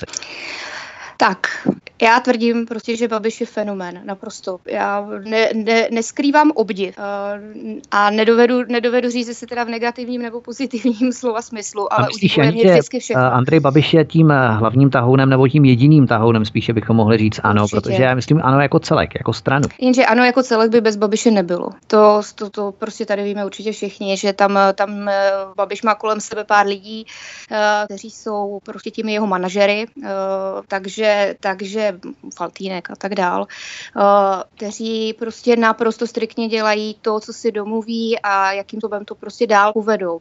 Babiš cokoliv řekne, všimněte si, Babiš je jedna pozoruhodná věc, že on prostě cokoliv řekne do těch médií, tak to vždycky řekne velice jednoduše, řekne to velice lidově a je vlastně úplně jedno, jestli uh, před 14 dny třeba říkal úplně úplný pravý opak. Uh, krásně to bylo vidět na, na našem příspěvku pro Řecko, kdy, kdy jeden den Babiš sál a tvrdil, jak Česká republika nebude posílat do Brusele žádné peníze pro Řecko. A za dva dny jsme je tam poslali. A on byl ten ministr financí, že, který to tam, který to tam nechal poslat. A takhle on tu politiku vlastně vede celou dobu. A uh, to, že, to, že uh, prostě ti lidi, já jsem opravdu přesvědčena o tom, že, že lidi tolik ta politika jakoby nezajímá. Oni si to někde přečtou, něco si vyfiltrují, něco jim zůstane v té paměti a dál je to nezajímá. Mě prostě třeba, já nevím, taky nezajímá Bambintonová liga a nic vám o ní neřeknu. Jo? Takže, takže lidi zafixují pár známých osobností, které pak i třeba volí, když mají třeba negativní minulost a tak dále. Prostě to známe jméno. Ale Babiš v tomhle dokázal prostě naprosto dokonale, dokonale zaujmout tu pozici i třeba co se týče toho protiimigrantského, kdy oni vlastně všichni všechno odhlasovávali jako ano v Evropském parlamentu a on jako jediný tady tvrdil, že imigranty přijímat nechce. I když ze začátku zase tvrdil, že třeba by mohli ano, dělat v těch jeho fabri- fabricích. Jo. Takže, no. takže, ale to už si zase nikdo nepamatuje. Takže, takže ono je to takové to, kdo to opravdu ho nesleduje, tak, tak pak jako neví a má z něho nějaký pocit, který Pabu vytvoří ta, ještě, ještě ta, to jeho mediální prostředí a ta jeho PR agentura. Já si totiž ještě bych se vrátila k tomu, jak říkala Eva Hrindová, že poslouchá rádio Impuls, že tam o Babišovi nemluví a, a že vlastně o něm v novinách nepíší. Ono totiž někdy je taky dobré o tom nepsat. Jo, tomu taky udělá službu. Jo. A, takže, takže je to všechno ze vším se skládané z ty, ty střípky toho úspěchu. Jo. Je, je pro mě prostě naprosto pozoruhodné to, že on vlastně celou tu dobu, kdy tady byla tr, tripartita s uh, ANO, ČSSD a KDU ČSL, že Babiš z toho vyšel jako vítěz, i když byl ve vládě a že vlastně odnesla to ta KDU, no i když ne tolik, ale hlavně ta sociální demokracie. Přitom je to vláda, takže oni na těch zásadních, zásadních rozhodnutích se vždycky podílejí spolu. Bylo to vidět i na tom lítiu, uh, což je velice jakoby zajímavá věc, protože uh, samozřejmě podepsali, podepsala se smlouva o těžbě, nebo o, o, ne o těžbě, ale o těch uh, průzkumech geologických. A Babiš vlastně druhý den, když se to začalo uh, mediálně propírat, tak tvrdí, jak s tím vlastně jakoby nesouhlasil a jakože o tom nevěděl a takové jakoby různé, různé kliše kolem toho zase jednoduše řečené, uh, což je jako prakticky nemožné, aby o tom nevěděl, nehledě o to, že je to opravdu velký podnikatel a jestliže někde uh, leží několik bilionů korun, tak je docela zvláštní, aby tenhle člověk o tom nevěděl. Jo? Ale zase to postavil tak, že ta zlá sociální demokracie si něco podepsala a já jsem ten hodný babiš, který to nikdy nedopustí, aby se to stalo. A tohle je vlastně celý princip fungování vždycky, vždycky babiše. Takže, takže to, že ho ti lidi volí, když se nezajímají, nebo když se nezajímají do detailů a hlavně si nesrovnávají to, co, to, to, je, to, co konstantně mluví, nebo to, co říká, tak uh, ho mají za vítěze. A tak to dopadlo.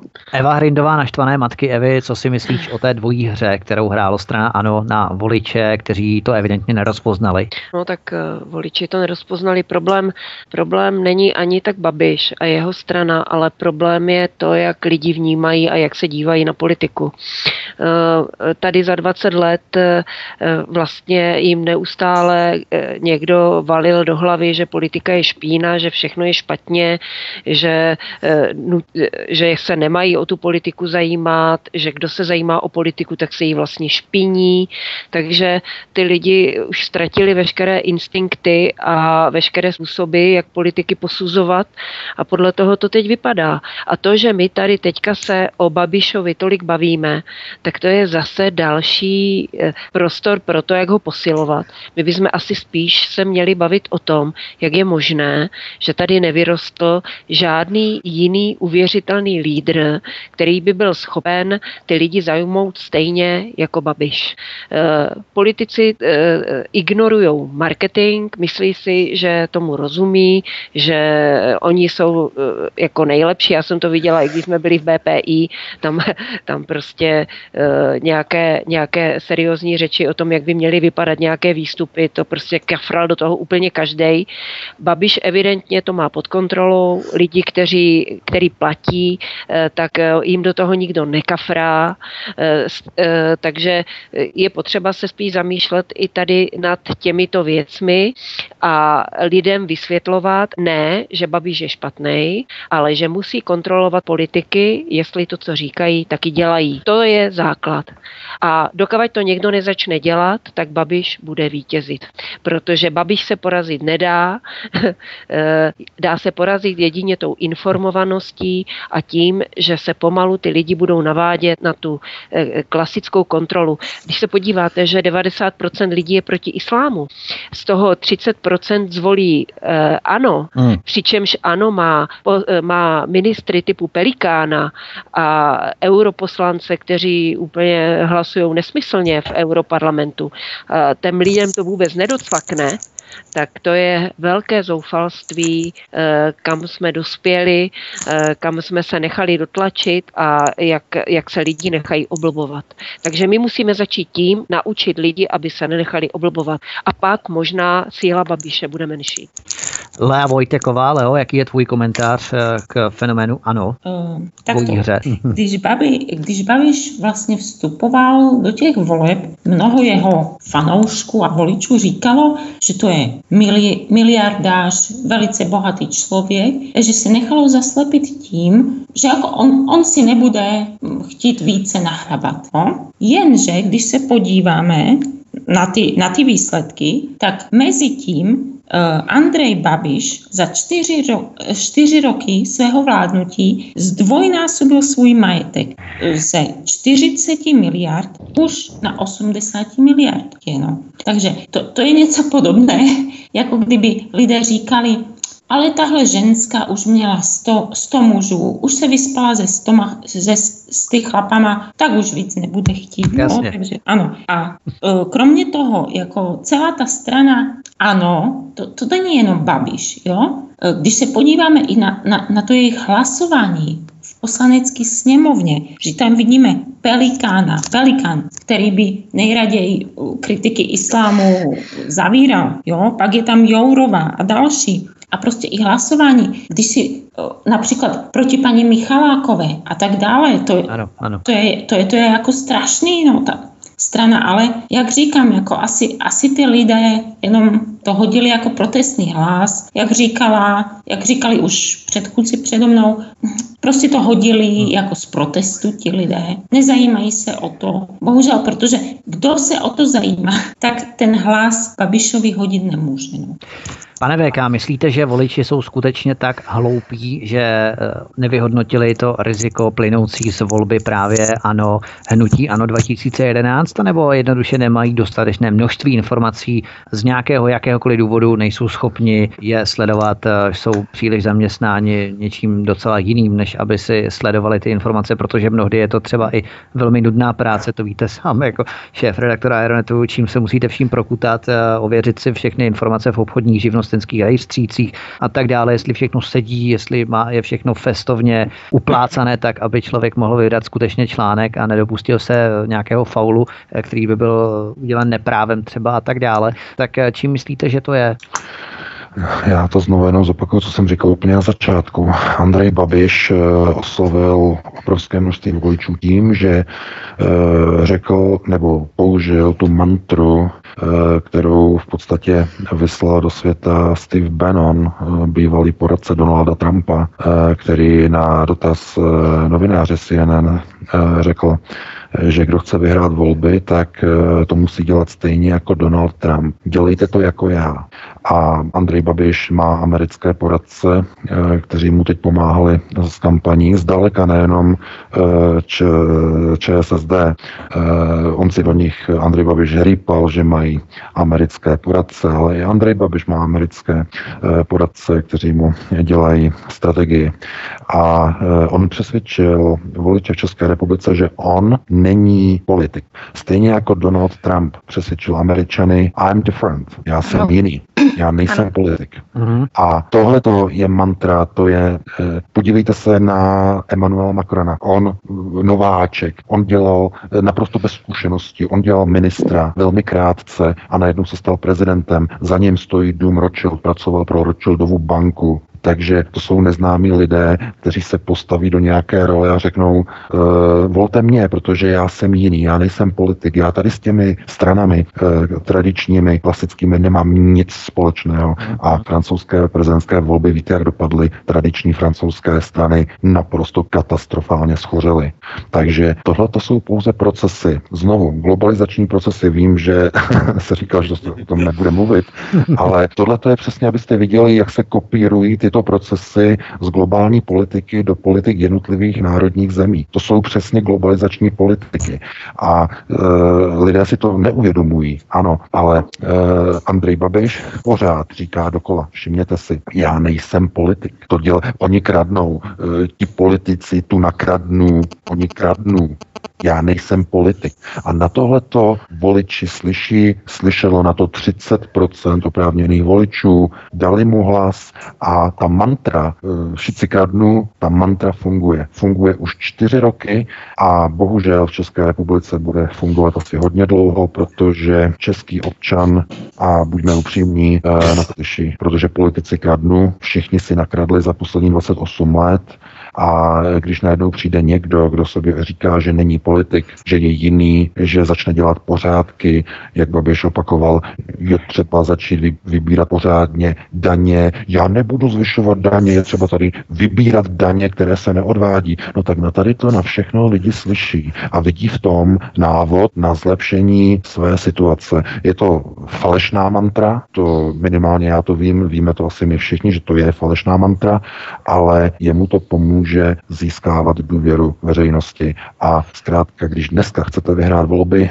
nesmíte být politik. Martine, konvičko, Můžu k tomu ty... jenom pak potom kousek říct? Ano, ano, potom ještě Jana Borkovcová. Martine, takovou. Eh, co říkáš ty na to, že Andrej Babiš a v podstatě strana ANO se profiluje jako protisystémová, antisystémová strana. Andrej Babiš sám tvrdí o sobě, že není politik, přičemž v podstatě strana ANO, ano, ano, ano. co byla po dobu celého systému, po dobu eh, vlády ODS, po dobu ČSSD, dělala tu kšefty a tak dále. A Agrofert. To znamená, že je to systémová strana. Jak by si to hodnotil? No, všelijak, ale podívejme se, já jsem si všiml jedné zajímavé věci teď před volbama. A to ve vztahu k těm důležitým věcem, ne k věcem, kdo si více nakradl a jaké budou daně. A ale k tomu civilizačnímu konfliktu, ve kterém všichni jsme. Bylo hrozně zajímavé pozorovat, že ve všech stranách, které tady byly, existovalo a existuje jakési patriotické křídlo nebo patriotický hlas a jakýsi, řekněme, eurohujerský hlas. A to v ODS, u komunistů, u lidovců, prostě úplně všude. No a jenom ano, udělalo úžasnou věc. Oni nepotřebují dva hlasy, oni nepotřebují jako komunisti Dolejša, Filipa nebo jako ODS, že jo, Klause mladšího a Němcovou. Tam si na to vůdce stačí sám. Prostě ten Babiš říká naprosto, co se v tu chvíli hodí, co chce poslouchat, slyšet. Je mu úplně jedno, jaké to má dopady, protože on nakonec vědí, ví, že ty, ti lidi mu to tam nahážou a že má ty prostředky na to, aby eventuálně eh, prosadil svou, kdyby mu to tam ti lidi nenaházeli. On sám zastane všechny křídla. Ano, on, on sám zastane všechny křídla. A pak jako se ptejme teda,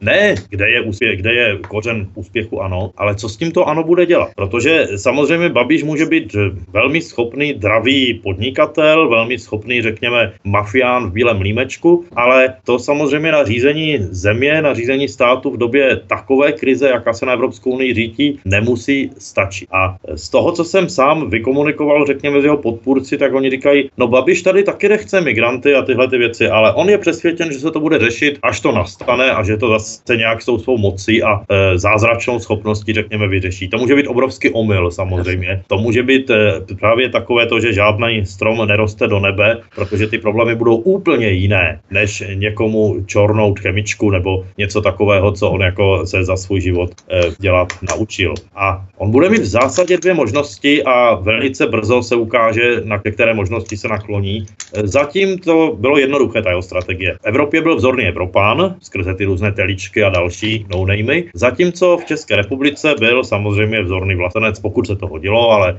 jenom tak v mezích zákonů EU, aby zase příliš nevyčníval. Mezích dotací. Jenže teď On zkrátka a dobře má dvě možnosti, jak se stavit vládu. Že? E, připojit se k tomu, řekněme, patriotickému směru, nebo se připojit k tomu, e, řekněme, hujerskému směru. A v žádném případě to nebude žádná hitparáda. On je sice obrovsky silný, ale nemá tam prostě partnera, se kterým by udělal přesvědčivou e, nadstovkovou většinu. A e, e, nyní je, to se tady hrozně zapomíná, všimněte si, že média o tom vůbec nemluví, pokud mi něco neuniklo. Nyní je míč na straně prezidenta. Nyní je míč na straně prezidenta, který je v tuto chvíli hlavním hráčem v téhle zemi a který může směrovat Babiše, řekněme, k tomu, že si Babiš začne hrát na nějakého československého Janošíka, na nějakého českého Orbána, na co si v tomhle smyslu, a nebo si teda bude hrát na toho, na toho ještě lepšího teličku, či co si podobného. A bude opravdu velmi zajímavé to sledovat.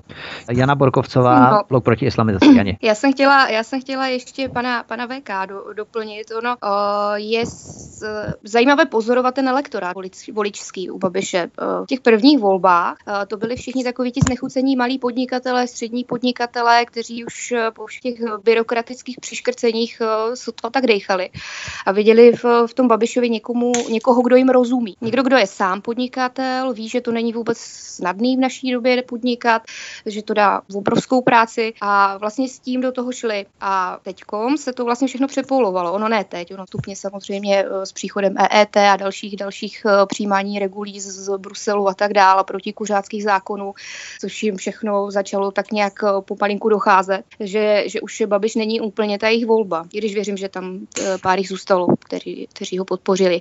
A, ale já tam vidím spíš ještě t, v tom, v těch eh, volbách nyní, nebo v tom jeho brutálním vítězství to, že on tady vytvořil takovou tu, já to strašně nerada používám, tu slovo, ale takovou tu mezilidskou závist, kdy, kdy prostě najednou všichni viděli, jak on jde po těch podnikatelích a jak on měl ty grafy, kdy zvyšuje ten výběr toho DPH, kdy zvyšuje tu daň z příjmu, kdy vybírá prostě úplně, co to jde. Sice už neviděli tu druhou stranu mince, že jo? ty firmy, které prostě tady nějakých 3600 eh, firm, který, uh, který finanční úřady zlikvidovaly totálně, že jo? na základě předběžných opatření a tak dále a tak dále. Ale to už ty lidi prostě nezajímá, naopak možná z toho mají radost. Takže to je jenom, to je jenom k tomu, že teď má trošku, trošku jiné voliče, než měl uh, ty voliče v tom, v tom prvním období, kdy se dostal do té poslanecké sněmovny a respektive do vlády. Další věc je uh, pan Soukup, kterého si ty zmiňoval už. Uh, je úplně zajímavý, je, je velice zajímavý člověk, já jsem se s ním měla tu čest dvakrát potkat a on mi teda sám mezi oči, očima řekl, že, že ho Babiš nechává dělat to, co chce a takže si může dělat tu svou takovou tu protiislámskou uh, agendu a dělat si nějaké, nějaké věci a že sám opravdu Babiš k tomu přistupuje tak, že až bude nějak tak on to mavnutím kouzelného proutku vyřeší, no, což bude teda velký umel. Hmm. Ale ono je taky důležité si všimnout toho, že ano, tam má velké, velké havlické křídlo. Jo. A je jenom otázka, jak si je dovede dlouho aby všechny udržet, protože to jsou všichni ti lidi kolem Stropnického. Hmm. Myslím, myslím staršího Stropnického. Ano. No, takže nechci to už dál pitvat. Poslední Václav Janoušek ke straně ano, Václav Janoušek SPO. Tak eh, k tomu hnutí ano, pardon, hnutí ano. Eh, hnutí ano. E, tak k tomu havlistickému křídlu, jak tady říkala Jana, e, tak já bych tady zmínil zejména rád pana profesora Zlatušku. Ano, další. Který, který je skutečně teda super, super havlista a v podstatě i minister Pelikán, že jo, jak, se, hmm. jak chtěl trestat uh, odpůrce islámu. Takže na, na druhou stranu tady padnul pan, pan Soukup, že jo, a pak bych ještě zmínil na té správné straně, abych tak řekl, paní Lorencovou, která taky má správné názory na tu problematiku. Takže eh, co můžu říct o hnutí ANO a Andrej Babišovi, že je pro mě naprosto nečitelná věc. Ne? Naprosto nečitelné.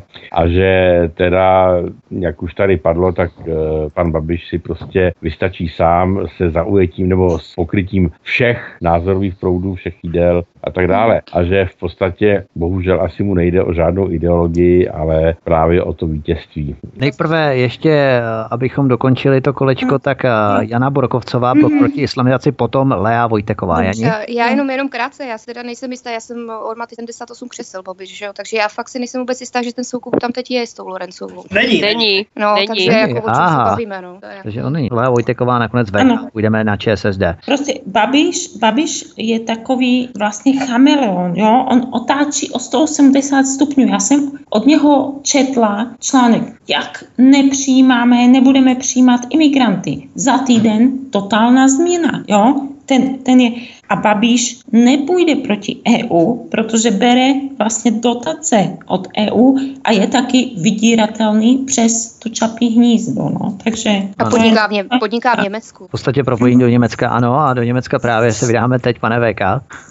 Já jsem chtěl jenom doplnit jednu zásadní věc, že opravdu můžu souhlasit s tím názorem, že došlo ke změně voličského elektorátu hnutí ANO. E, ty průzkumy a analýzy ukazují, že právě hnutí ANO odkrojilo hlasy brutálně, ale opravdu brutálně ČSSD a také komunistům.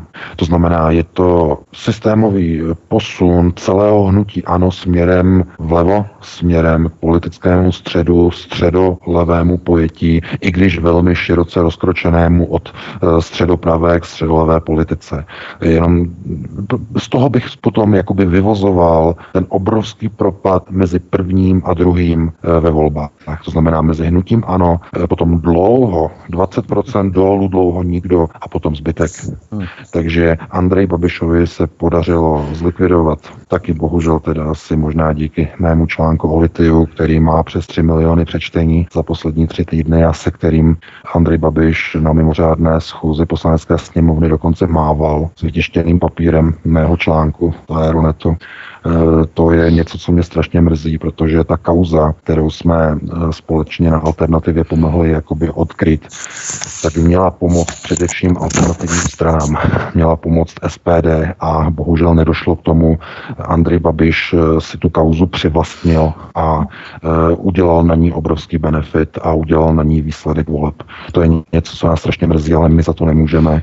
To je mm, problém všech malých nebo začínajících politických stran, že se ještě tak mm, e, neorientují v politice, neumí e, konkrétní kauzu uchopit za pačesy a vymlátit z ní politický kapitál. E, Andrej Babiš tohle to umí, má na to lidi, takže to je jedna věc, která nás hodně mrzí, ale každopádně Andrej Babiš odebral voliče KSČM a ČSSD a to opravdu nevýdaným způsobem. A právě k ČSSD se vydáme teď. ČSSD poklesla na, tuším, sedmé, ano, sedmé místo, pokud správně počítám, 7,27% hlasů, 368 347 hlasů, respektive lidí ji volilo a z 50 poslanců bude mít jen 15 mandátů. To je docela sešup. Z ČSSD odešlo velmi mnoho významných osobností, například Marie Benešová, Jeroným Tejc, ale nekandidovat kvůli nesouhlasu s vedením, tedy se sobotkovým křídlem, se rozhodli i třeba Vítězslav Jandák, Stanislav Humel, Jaroslav Zavadil, Lubomír Toufar, Jiří Koskuba nebo Štěpán Stupčuk. Sobotkovo křídlo velmi důkladně rozdrtilo veškerou opozici ve straně ČSSD. Samozřejmě těch faktorů nalezneme daleko více. Tvrdý příklon k hlubší integraci do jádra Evropské unie, přijetí eura, migrační politika, já nevím, multikulturní osvětová politika, napojení na Zdenka Bakalu, OKD a tak dále. Ale myslíte si, že právě tato monopolizace pevného třímání mocenských otěží v rukou Sobotkova křídla nakonec zlomila ČSSD vás, protože jsme tu měli na druhou stranu Jiřího Paroubka, který rovněž měl pověst tvrdého lídra, vůdce ČSSD, kterému se ale podařilo dovést stranu téměř k vítězství, což by se mu v roce 2006 bez pochyby podařilo nebýt Kubiceho zprávy. Takže nevždy tvrdý lídr strany znamená zkázu. Čili proč to nyní sociální demokraté v čele s Bohuslavem Sobotkou tak projeli? Jana Borkovcová blok proti islamizaci. No, ty jsi to pravdivě podle mě úplně naprosto sám odpověděl. Neuvěděl, protože si mluvil o tvrdým lídrovi. O, to byl No, i to jsem Zeman, byl, právě s to, byl, to, byl to i. Paroubek, ale rozhodně ne Bohuslav Sobotka. A tam mu škodilo mnoho, mnoho věcí. Já to počínaje, počínaje uniklými mailovými korespondencemi s Berlínem, eh, tím vůbec, jak on je takový, eh, mluví bez obsahu, nic, nic neřekne a ve finále vlastně vždycky udělá to, co mu to Brusele, respektive spíš z Berlína přikážou, aby udělal. Jo. Takže, takže tam ta sociální demokratie, která už když má v názvu sociální, by se měla opravdu jako věnovat tedy jakoby těm, těm požadavkům těch, těch, kdo to sociálno potřebují, tak to se zase nevěnovala. Co si budeme vykládat hm, tady, ať je to pečovatelská služba, nemusí to být jenom platy jako zdravotníků a, nebo, nebo policie. Jo, ale, ale za čtyři roky, kdy pak mají na plagátech napsáno, jako, že pomůžou pro práci každému sehnat, a že, že pomůžou sehnat, já, já nevím, to všechno zlaté, modré z nebe, tak o, to vlastně nedělali. Jo. Jediné, jediné jsou vlastně Marksová, eh, Tominová eh, udělala, že si vymohla zákonem eh, týdenní mateřskou dovolenou pro muže, nebo nějaké takové volno, no prostě absolutní nesmysly. Jako. Takže, takže ta sociální domikro- demokracie spadla a já se domnívám a tomu pevně věřit, že už se nikdy nezvedne, že už tam nikdy nepřijde žádný paroubek a ani, ani Zeman a že stanou tam, kde jsou. A dost by o tom asi napovídalo i to, že já jsem byla na předvolebním nebo na volebním sjezdu sociální demokracie, někdy tuším z jara. A je opravdu jako zajímavé sledovat hlavně mladé sutany. Jo, tam eh, je ten příklon k tomu eh, eurounijnímu, eh, té euro, eurounijní politice úplně Hmm. hmm. naprosto zřejmý. Oni jsou opravdu velcí vítači, oni jsou velcí multikulturalisté, oni jsou přesně ti, kteří by nejradši rozhodovali o tom, jestli, že vaše dítě není vaše dítě, ale státní dítě a my se o něho dobře postaráme a tam, tam to zlo je jako evidentní. Jo. Ti, ti si můžou podat ruce se zeleným a to je úplně, to je, to je přesně ta sama, ta sama generace těch lidí. Jo. Eva Hrindová naštvané matky. Tak propad ČSSD mě potěšil asi nejvíce, protože nej, nej, nejkrystaličtěji ukazoval odpor lidí vůči tomu hnusnému odpornému multikulty a vůči sociálnímu inženýrství, protože sociální demokraté neměli ve svých řadách žádného oblíbence médií, eh, takže jim média ten propad nepomohla zastavit, tak jak to pomohla lidovcům, Topce a, a eh, Stanu. Takže eh, socani to bohužel odskákali za všechny tady tyhle ty eurohujerské strany, ale dobře jim tak, protože eh, opravdu aféry, jako byla inkluze, jako bylo nezastání se paní Michalákové, kradení dětí, ty, hodně se tomu věnoval i Václav Klaus mladší, takže to protlačil do toho veřejného prostoru přes ty svoje komentáře. Takže to nebylo jenom eh, podpora islámu. Eh, Legendární je fotografie, jak Sobotka přivítal na úřadu vlády eh, nějaké dobrovolníky, kteří pomáhali pašovat nelegální migranty a, a klaní se tam nějaké muslimce v šátku. To všechno obletělo ten éter a nic nebylo takového, co by jim to pomohlo. Snažil se chovanec, ale ten byl tak osamocený v té straně. Oni teďka samozřejmě, když slyším nějaké analytiky přiblblé jako v televizi, tak oni, oni samozřejmě prohlašují, že za propadem ČSSD stojí právě aktivity chovance. Já si naopak myslím, že chovanec eh, zabránil tomu, aby spadli pod 5%, jako, ale nestačilo to a eh, dobře jim tak. A eh, samozřejmě oni se můžou zvednout, ale nebude to s tou politikou, s kterou spadli. To by museli začít dělat úplně jinou politiku. Já bych připomněl, že Milan Chovanec se vyjádřil na Margo Martina Konvičky o politickém kreténismu v souvislosti s eh, tím velbloudem na staroměstském No, náměstí minulý rok a tak dále. To znamená, že ty jeho retorické figury jsou také docela zvláštní. Lea Vojteková, blogerka. Eh, Takže ono stačí vzpomenout na různé zveřejněné e-maily, jak Sobotka se podřizuje Bruselu, poslouchá Merkelovou a tak dále. Eh, Teď, teď najednou před volbami přišli s tím, že jako musíme zvednout mzdy, musíme, já nevím, pomáhat chudým. Ale co dělali ty čtyři roky, jo, najednou, bože, a budou přidávat. No, to, když už něco je populismus, tak tohle je populismus. Jinak uh, Marxová jo, a ten spol tam v ČSSD uh, propagovali gender a další sociální utopie. Socialisté prostě nereflektovali obavy lidí, takže proto, proto se tak propadli. A jinak souhlasím s Evou jako chovanec. Chovanec byl ještě docela sympatiák, ale ti ostatní jako naprosto mimo realitu. Oni, oni si jeli svou utopii, já nevím, nějakou globalistickou nebo multikultur, multikulturalistickou a nějak jim to nevyšlo, chvala Bohu. Pan VK, šéf redaktor Aeronetu. No tak eh, ČSSD se utopila ve své zoufalé, tragické, tragikomické politice za posledního tři čtvrtě roku. Já si myslím, nebo že bych úplně jakoby nejvíc vypíchnul tu estrádu, kterou Bohuslav Sobotka předvedl eh, na 1. máje, nebo okolo 1. máje tohoto roku, eh, kdy podal rezignaci demisi kvůli tomu, že Andrej Babiš trucoval a nechtěl opustit pozici ve vládě a pozici ministra financí. Eh, všichni to si pamatujete, tu kauzu, jaké to bylo. Takže tam nakonec to vyústilo v jeho nakonec to vyústilo eh, v jeho demisi, rezignaci na post eh, předsedy partaje, eh, zoufalý tragický výsledek včera ve volbách. Je to jenom jakoby důsledek té neschopnosti vrátit se k původní sociální nebo sociálně demokratické politice, kterou třeba ještě na přelomu tisíciletí razila tehdy Zemanová vláda. Zkrátka společenský jak, jakýsi étos nebo voličský elektorát se začíná jakoby rozmělňovat, začíná se přesunovat v rámci všech těch i evropských procesů, nebo řekněme těch globalistických procesů, eh, začíná se znedůvěryhodňovat Eh, pozice tradičních politických stran a tohle je jakýsi komplexní mix, jakýsi shake, eh, který v podstatě, když smícháte dohromady, tak vám dá dnešní výsledek, dnešní situaci. Tradiční, ty opravdu tradiční politické strany, vezměte si, to jsou určitě se shodneme ODS a ČSSD, hlavní tahouni 90. let a podívejte se, kde jsou. Hmm.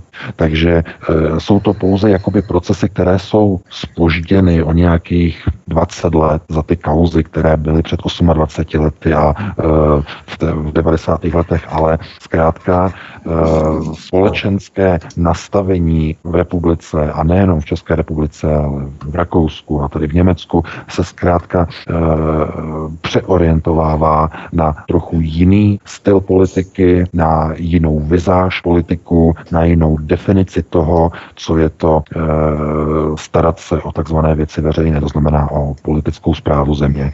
Takže takže já bych to viděl jako komplexní souhru mnoha a mnoho negativních faktorů, které ovlivnily naprosto brutální propad ČSSD. Václav Janoušek, strana práv občanů, váš komentář k propadu ČSSD?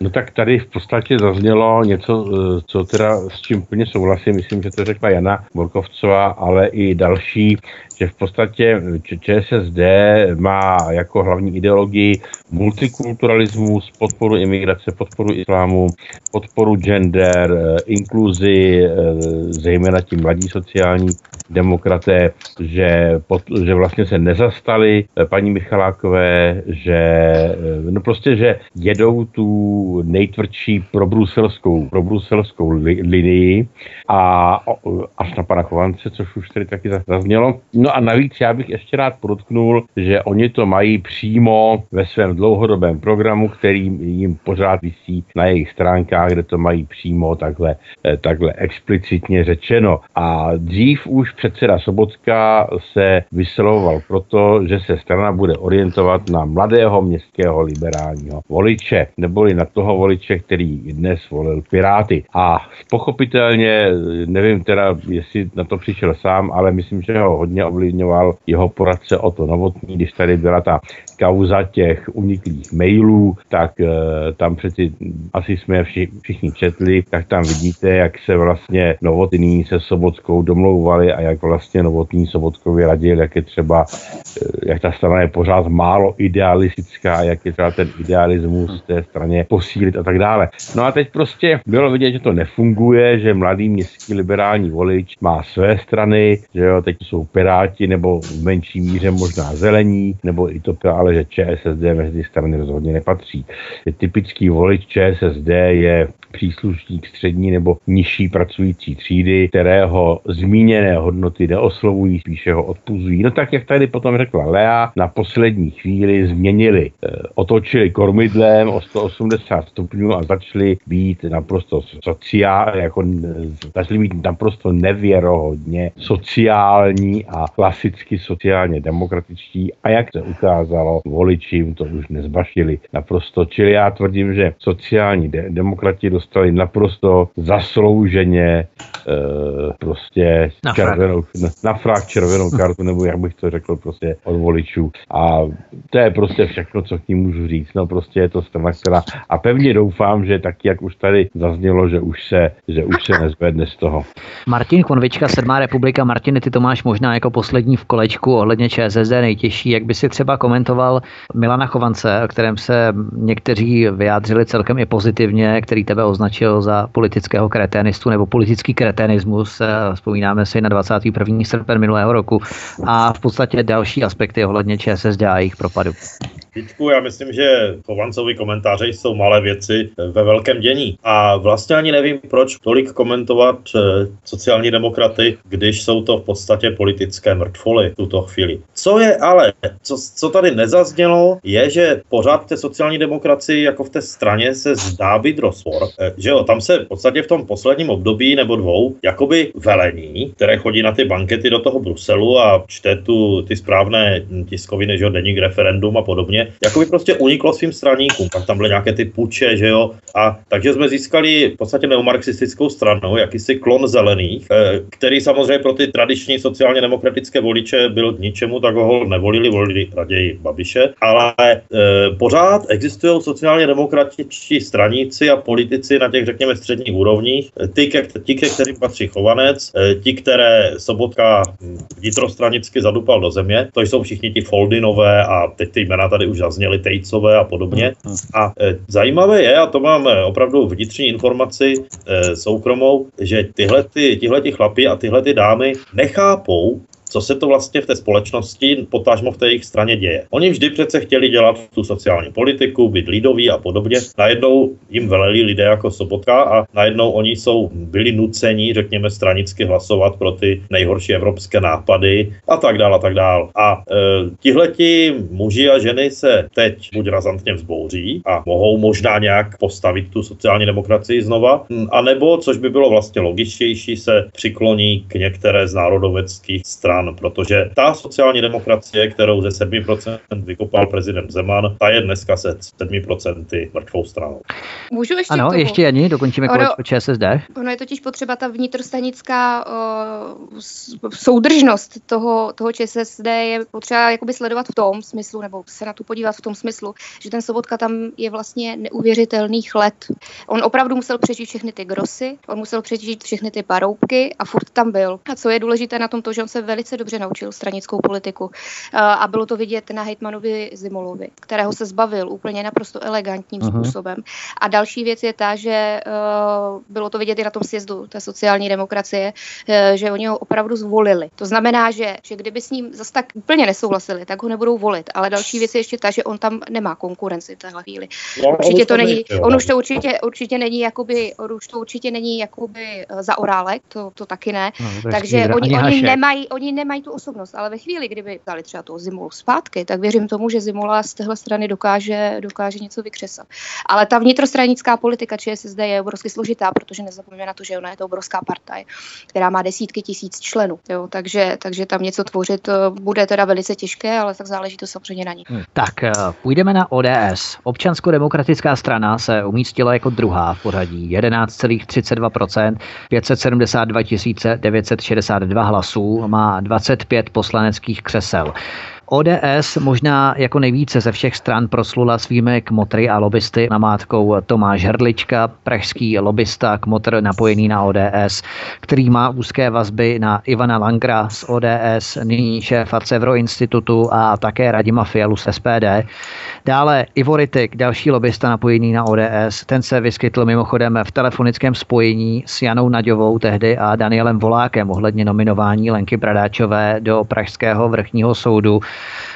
V Ritigově Vinohradské vile mimochodem se našlo 120 až 150 milionů korun v hotovosti a několik desítek kilogramů zlata. Pak je tu také Jiří Tomán a Roman Janoušek, kterého znala ještě jako členka Pražské městské rady, nyní čestná členka ODS Alexandra Učinia, protože měli vedle sebe v Chorvatsku vily a Alexandra Učinia s Romanem Janouškem trávili dovolené na lodi. A nebo jedna z výrazných postav občansko-demokratické strany představuje eh, Jana Černochová. To se příliš neví, nebo se to nezmiňuje. Jana Černochová proslula svou záštitou na druhém ročníku nebo druhého ročníku Prague Pride a je ve skupině poslanců, kteří předložili zákon umožňující adopci dětí homosexuálními páry v konzervativní ODS.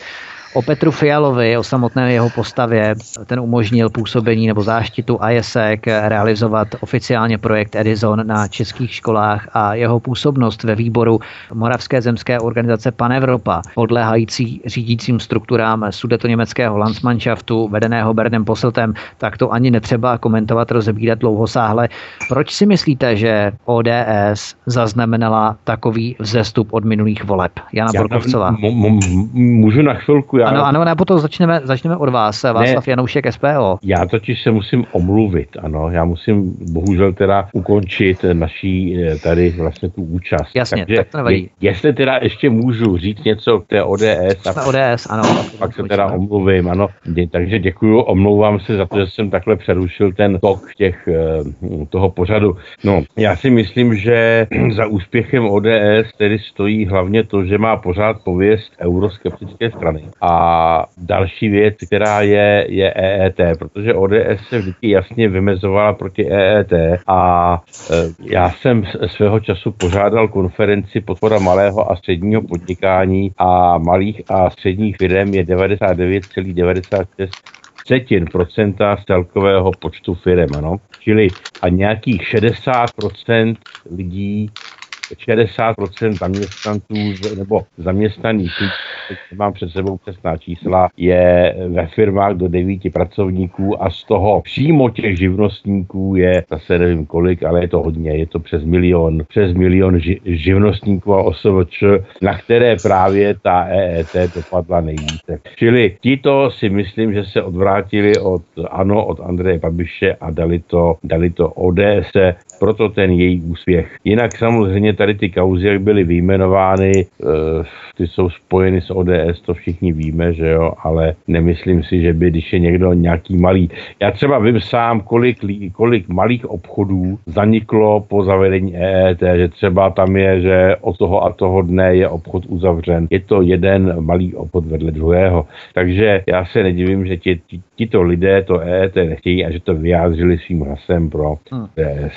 To byl Václav Janoušek ze strany práv občanů a zároveň eh, předseda Institutu mezikulturních studií. Pane Janoušku, my vám děkujeme za vaši účast na našem povolebním diskuzním pořadu a těšíme se na slyšenou někde příště. Taky, taky děkuji. Tak, Jana Borkovcová, blok proti islamizaci. Tvůj komentář, Jani, ohledně ODS, hmm. jejím zestupu. ODS, to je, já si myslím totiž, že dostala málo. No, prostě, prostě bývaly samozřejmě doby, kdy, kdy ať už to Polánek nebo Klaus to prostě vedli trošku jinak. Takže já si myslím, že tohle vůbec není žádná výhra a už vůbec by se neměl eh, pan Fiala nějak nad tím moc jako eh, skákat radostí. Jo. Je to malý úspěch, ale, ale každopádně eh, tohle svědčí o jedné věci. Já se hodně říká, že máme všichni krátkou paměť a že odpouštíme a zapomínáme. A tady na tom jde vidět, že ti lidi tolik nezapomínají. Právě skrz ty kmutry. Jo. Takže nezapomněli. A díky, díky tomu, že tam prostě v Praze, nebo díky tomu, že v Praze kandidoval Václav Klaus mladší, že jo, hmm. ten, který právě uh, reprezentuje to konzervativní křídlo ODS, ne to liberální, tak, uh, tak se podařilo uh, té ODS se získat aspoň to, co získala. Myslím si, že to díky, díky němu, hlavně díky Praze. Ono to bylo i na tom průběžném eh, výsledku vidět, že ta ODS ze začátku měla strašně málo, když se sčítali všechny ty menší vesnice, menší města a až ta Praha je vlastně vynesla, vynesla na ten, na ten piedestal 11%. Mm-hmm. A další, co je naprosto ještě zajímavé, je, že ta reprezentace toho liberálního křídla, tam já osobně řadím třeba Mirku Němcovou, která kandidovala u nás na Vysočině a uh, ukazuje to další fenomén nebo další jasnou věc, která prostě u těch voleb hraje obrovskou roli a to je, jak jste známý, protože Mirka Němcová, a to jsem, já jsem byla členka ODS, chvilku sice, byla jsem dlouholetý volič ODS, uh, vlastně za celou tu dobu nic nedělala v uvozovkách. Ona byla místo předsedkyní poslanské sněmovny nebo předsedkyní dokonce, ale nikdy, nikdy neměla žádné ministerstvo pod sebou a, a netvořila nic výraznějšího. Takže to je taková ta hodná paní té ODSky, která se strašně bojí komunistů a Ruska. A i přesto, že kandidovala na Vysočině jako dvojka, tak vykrouškovali, taky lidi vykrouškovali před, před Jana Tecla, který byl lídr. Takže opravdu Jan Tecl není tak známý, Miroslava Němcová je tak známá, takže kroužkovali Mirku Němcovou. Hmm. To je další pozoruhodná záležitost, co se týče jako vždycky toho, koho dát na tu první místo, že prostě můžete mít třeba i špatné jméno, nebo i nic neříkající jméno, eh, teda neříkající jméno jakoby eh, se svou prací, co je za mnou vidět za tu dobu, co jsem v té ODS, ale prostě zakroužkuji. Eva Hrindová naštvané matky. Evi, tvůj komentář ohledně ODS eh, umístěné na druhém místě pořadí. No tak ODS slaví, bylo to vidět na tiskovce, kde opravdu mnozí neskrývali úsměvy triumfu, eh, což mi přijde úplně absurdní, protože 11% pro stranu, která v podstatě založila základy moderní svobodné společnosti v České republice, je opravdu tristní výsledek a uh, mám, myslím si, že to, že jsou na tom tak špatně, je proto, protože se prostě podělali a začali lézt do zadku pražské kavárně a to až takovým způsobem, že vypudili uh, zevnitř uh, ODS ven všechny autentické konzervativní politiky. Zůstalo jich tam opravdu velice málo a uh, nedělají prostě dobrou politiku. Uh, lidem se to nelíbí. Uh, to, že narostly o nějaké 3% nahoru oproti minulým volbám, uh, to je pro mě úplně v řádu statistické chyby. Opravdu si myslím, že to je snad jenom díky tomu mladému Klausovi. Možná je to taky i proto, že se voliči doslova podělali těsně před volbama a místo toho, aby to hodili nějakým malým stranám, jako byli realisti nebo svobodní, tak to nakonec ze zoufalství a ze strachu, že by její hlas propadl, hodili nakonec naposledy přece jenom té ODSC. Takže uvidíme, ODS za čtyři roky v opozici neukázala absolutně nic, schválila jednu z nejhorších možných uh, úprav legislativních, to já jim v životě nezapomenu, uh, že uh, vlastně omezili možnost vznikání nových politických stran, omezili fungování všech politických stran i sobě samým, jenom proto, že si mysleli, že by ti mohli trošku omezit Babiše, ale omezili tím všechny a zase o něco přitvrdili volnou politickou soutěž v České republice, což od strany, která hlásá svobodu, uh, je hodně pokrytecké. Voliči to, voliči to samozřejmě neví, tady tyhle věci, což dotvrzuje i jejich vykrouškování Mirky Němcové. Tady vidíme, že voličům je to, to všechno úplně jedno a jdou opravdu po těch nejpovrchnějších záležitostech, ale ODS podle mě dneska volí opravdu pravdoláskaři, lidi, kteří mají strach z Ruska, lidi, kteří lpí uh, ustrašeně na tom, aby jsme pro Boha zůstali členy NATO, jo, protože mají strach, že by jsme zůstali sami a v podstatě jsou to všichni eurohujeři, takže to, to jako podle mě ta strana už je víceméně v klin- stádiu klinické smrti. Uvidíme, uvidíme co, co, jestli se Václav Klaus mladší chopí té příležitosti a podaří se mu nějak tu stranu resuscitovat, ale o osobně tomu moc nevěřím. V podstatě bychom měli pořád připomínat, že Rakousko není členem NATO a také není samo a tak no. dále. To je třeba těm lidem neustále připomínat. Lea Vojteková, jaký je tvůj Leo stručný komentář ohledně ODS? Já se omluvám, možná to hmm. lehce zestručněme, protože budeme končit tento blok a budeme přepínat Jasně. na druhý kanál svobodného vysílače. Jasně, tak e, jako chcete-li změnu, nevolte ty, kteří současný špatný stav zavinil. No. Nevolte vládné strany, současné, ani minulé, nikdy. Ten, kdo tristní stav zavinil, nemůže být součástí řešení problému. To je snad logické. Pochopitelně, že některé strany se budou pokoušet vyvléct ze zodpovědnosti, ale neměli bychom se nechat nachytat naivové, kteří kvůli některým jednotlivcům volí ODS a doufají, že už skutečně tato strana bude dělat silnou a rozumovou pravicovou politiku, jsou popukáni. No, to je asi taky můj stručný komentář. V tom tak. se shodneme naprosto. naprosto. Mm. Pane VK, šéf redaktor Ironet.cz, jaký je váš komentář ohledně uh, umístění ODS, jejímu lehce posílení, řekněme? No tak zhodnocení je velmi jednoduché. Uh, ten rozdíl od minulých voleb, nějaký ten nárůst o 3% nebo kolik je způsobený odlivem bývalých voličů ODS, kteří před čtyřmi roky přišli k Andreji Babišovi.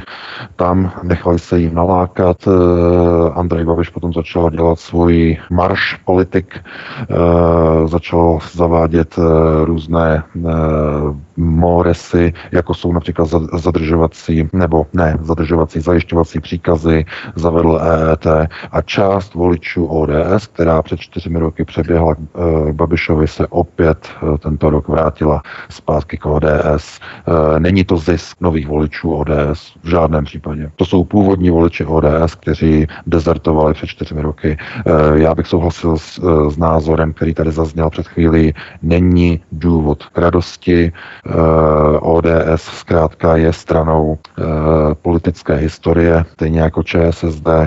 A to, co nás čeká v celé Evropě, v celé západní civilizaci, je budování nové globální podoby světa a co se týče Evropy, takzvaného projektu Neue Europa, jak to nazývá Angela Merkel. To znamená dvojrychlostní Evropa. Eh, první, ta rychlejší, se bude integrovat do federálního nebo federalizovaného celku. Ta druhá bude opadávat v rámci nějakého časového období nebo změní názor a rychle se připojí k rychlejší části řekl to dobře George Soros, eh, když mluvil o tom, že globalizaci není vyhnutí a ti, kteří se jí nebudou chtít účastnit, tak budou trpět. Takže já bych jenom takhle zakončil k ODSC, trošku jsem se zase odchýlil, ale ODS pro mě není žádným překvapením, naopak, eh, pokud bychom se dívali, jak dopadly pravicové strany, je to tragédie. Martin Konvička, Sedmá republika. Martine, tvůj komentář ohledně lehkého posílení ODS, ale i přesto neutěšenému stavu? Eh, tak na ODS je určitě zajímavé, jak zdatně přežívala v té opozici. To, že nic nedělala jedna věc, ale prostě nerozbila se, nedemoralizovala se a ono to je do značné míry dáno tím, že byť ta strana je ideově vyprázdněná, řekněme, tak eh, dokáže jednu věc, výborně zvládla eh, takové ty klientistické ma- operace, machinace v tom smyslu, že se stará o své členy. A teď myslím ty členy, co dělají někde starosty, co fungují někde na malých městech, jo, e, že z těch velkých kšeftů, v kterých ODS kdysi dávno jela, e, se nějakým způsobem e, jak si přiměli všichni. Teď, když ty kšefty byly malé, tak se prostě čekalo, až zase bude dobře. Jenže tak strana už vlastně nic jiného než kšefty dělat neumí. Uvědomme si to. A ta strana to dala velmi jasně najevo při tiskové konferenci po volbách, když se sice oslavovalo, ale v té pětici, která tam stála, těch lidí kolem toho Fialy, že ano, naprosto chyběli, řekněme, řekněme, dva nejpopulárnější politici těchto voleb, Jana Černochová a Václav Klaus mladší. Byli tam lidé, které drtivá většina republiky vůbec nezná, přestože velice dobře zná, řekněme, vnitřní okruh té strany a kteří budou nyní rozhodovat. ODS měla nějaké plány, samozřejmě, do kterých si tvrdili vrabci na střeše, které tak trošku dostali na frak tím, že je Babiš až tak strašně silný a oni jsou sice druzí, ale pořád to není žádná sláva. Takže ODS to bude mít velice těžké. Eh, v tom smyslu, že nyní tak trošku neví, co s tím. A co bude ODS dělat, se ukáže velice brzy ukáže se to při komunálních volbách příští rok. Tam už jde prostě jenom o ty kšefty a o to, řekněme, zasaturování těch loajálních členů, kteří teda vydrželi v té opozici nějakou dobu a nepřestali věřit té straně, o nějaké ideje, o, nějaké, o nějaký idealismus Klauze mladšího, případně, řekněme, trošku sluníčkový idealismus, ale pořád ještě e, zdravý Jany, Jany Černochové a jim podobných tam vůbec nejde. A já jsem komentoval včera hm, trošku e, lidově na svém Facebooku a tady bych to zopakoval. E, ona si ta Eugenia s tím mladým Klausem tak vytře, že ho ani Klaus senior nepozná. Našimi dnešními hosty je Jana Borkovcová, předsedkyně spolku Blok proti islamizaci, Eva Hrindová, předsedkyně spolku Naštvané matky, Lea Vojteková, známá blogerka a komentátorka, pan VK, šéf-redaktor alternativního spravodajského portálu Aronet.cz, docent Martin Konvička, místo předseda Sedmé republiky, inženýr Václav Janoušek, předseda Institutu mezikulturních studií, člen strany SPO nás opustil z časových důvodů. My si zahrajeme písničku, vážní posluchači, na prvním kanále Svobodného vysílače se s vámi rozloučíme, takže děkujeme, že jste nás poslouchali až do tohoto konce. My se přesuneme na druhý kanál, protože na prvním kanále, na hlavním vysílacím kanále Svobodného vysílače budeme přepínat do plzeňského studia Pavlu Lávkovi, který má už pro vás připraven další pořád. A my na druhém kanále Svobodného vysílače po písničce budeme rozebírat stranu SPD, Piráty a vstup miliardářů třeba do české politiky. Tak pokud vás i tohle zajímá, přepněte si na druhý kanál, anebo zůstaňte posluchači, kteří chcete sledovat další pořady na kanále hlavního svobodného vysílače. Od mikrofonu vás zdraví Vítek, který vám zároveň přeje hezký večer ze studia Tapin Radio. A ještě připomínám nakonec tohoto bloku, že pořád můžete samozřejmě stáhnout v kompletním záznamu na stránkách svobodného vysílače svobodný pomlčka vysílač.cz v archivu studia Tapin Radio anebo na kanále YouTube. To by bylo vše, my si zahrajeme písničku a potom pokračujeme dále v druhém kanále Svobodného vysílače. Hezký dobrý večer, vážené posluchačky a posluchači, vítáme vás v třetím bloku eh, pořadu povolební debaty, který se věnuje aktuální situaci týkajících se České republiky, týkající se parlamentních voleb, které právě proběhly v pátek a v sobotu 20. 21. října.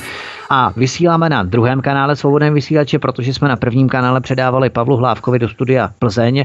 A našimi hosty stále tedy jsou Jana Borkovcová, předsedkyně spolku Blok proti islamizaci, Eva Hrindová, předsedkyně spolku Naštvané matky, Lea Vojteková, známá blogerka a komentátorka, pan VK, šéf-redaktor z pravodejského portálu Aeronet.cz, docent Martin Konvička, místo předseda Sedmé republiky. Inženýr Václav Janoušek předtím musel z časových důvodů nás opustit pustit. A my jsme slíbili, že se podíváme na stranu přímé demokracie, pardon, na svobodu přímé demokracie. Takže SPD, svoboda přímá demokracie, Tomio Okamura, se umístila jako čtvrtá v pořadí, 10,64%, 538 tisíc lidí, 574 hlasů, snad si to správně pamatuju, získala 22 poslaneckých mandátů. Mnozí do SPD vkládají naděje jako do strany, která představuje antisystémovou alternativu strany, která jako jediná měla šanci pro vstup do parlamentu překonání té pětiprocentní hranice, což se jim podařilo několikrát, ale kolem které panovaly značné kontroverze v souvislosti s neprůhledným vyhozením člena Jana Kopala na poput neziskovky Evropské hodnoty. Tu můžeme rovněž někdy také rozebrat. Máme tu spoustu informací, kdo ji financuje, kdo za ní stojí za evropskými hodnotami a tak dále.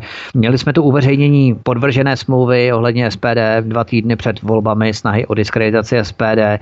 Tak jak byste komentovali výsledky SPD a její potenciál ve složení budoucí koalice. Má šanci nebo šanci nemá? Jana Borkovcová blok proti islamizaci. Hmm, tak eh, mě to překvapilo, protože já jsem si myslela, že bude mít víc Okamura, že bude mít třeba i 15, i 18 to vypadalo před volbama. Uh, takže těch 10,64 uh, eh, je vlastně jenom o, malinko mý a nemuselo to být dvouciferné číslo. Uh, nemyslím si ani, že by mu tolik ubrali zbytek, uh, já bych to řekla, proti islámských stran, protože to my jsme ostatní opravdu zůstali jako hodně pod nulou. A jediní, kdo byli trošku, trošku úspěšnější, že si sáhli aspoň na, e, na státní podporu, byli svobodní z 1,56. E, co mě na tom prostě udivuje je to, že vlastně všechny tyhle antisystémové malé strany dohromady s tím Okamurou získaly něco přes 14%, což je prostě strašně málo. Nehledě na to, že prostě opravdu i řád národa, i realisté, rozumí, všichni investovali obrovské nemalé peníze do kampaní. Eh, byly všude vidět billboardy, byly všude vidět na Facebooku, v reklamách a tak dále, splacených.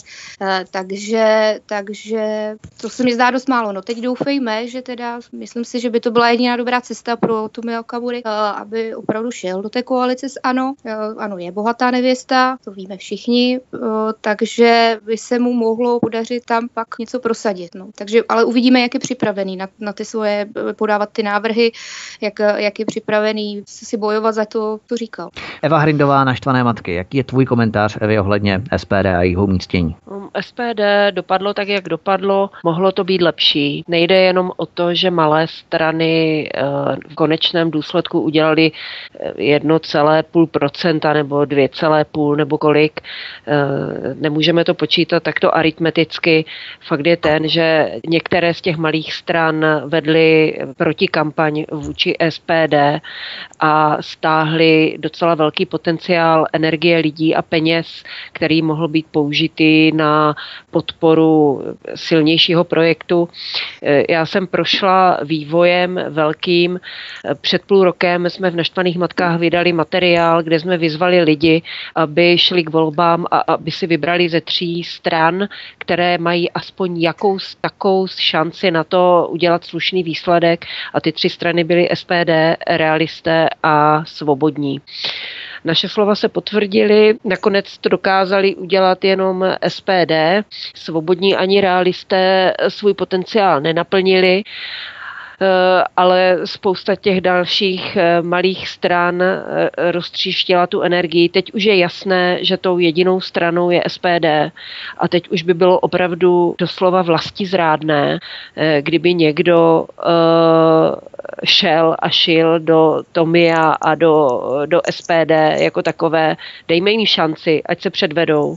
Mě to absolutně nezajímá, jaké problémy mají vevnitř. To jako vůbec neřeším. Mě zajímají výsledky a jestli se SPD podaří chytit, chytit Babiše pod krk a výměnou za účast v nějaké koalici eh, dosáhnout něčeho důležitého pro nás, teď mě nic nenapadá, eh, něco jako, že nepřijmeme euro nebo eh, zatneme tipet s financování některým velkým neziskovkám eh, nebo že eh, uděláme pořádek v české televizi, tak jim jenom zatleskám a budu jim držet palce a budu na to, budu na to nadšeně čekat. Takže já jim fandím, nezajímá mě, co se děje vevnitř, nebudu nikdy do nich vstupovat, nebudu členem této strany, ale a byla bych ráda, kdyby zherzení ti, kteří neuspěli ve volbách, si odpustili nějaké, jak vidím teďka na Facebooku, jak si nadávají a vyčítají, že ty si volil Okamuru, ty si nevolil toho.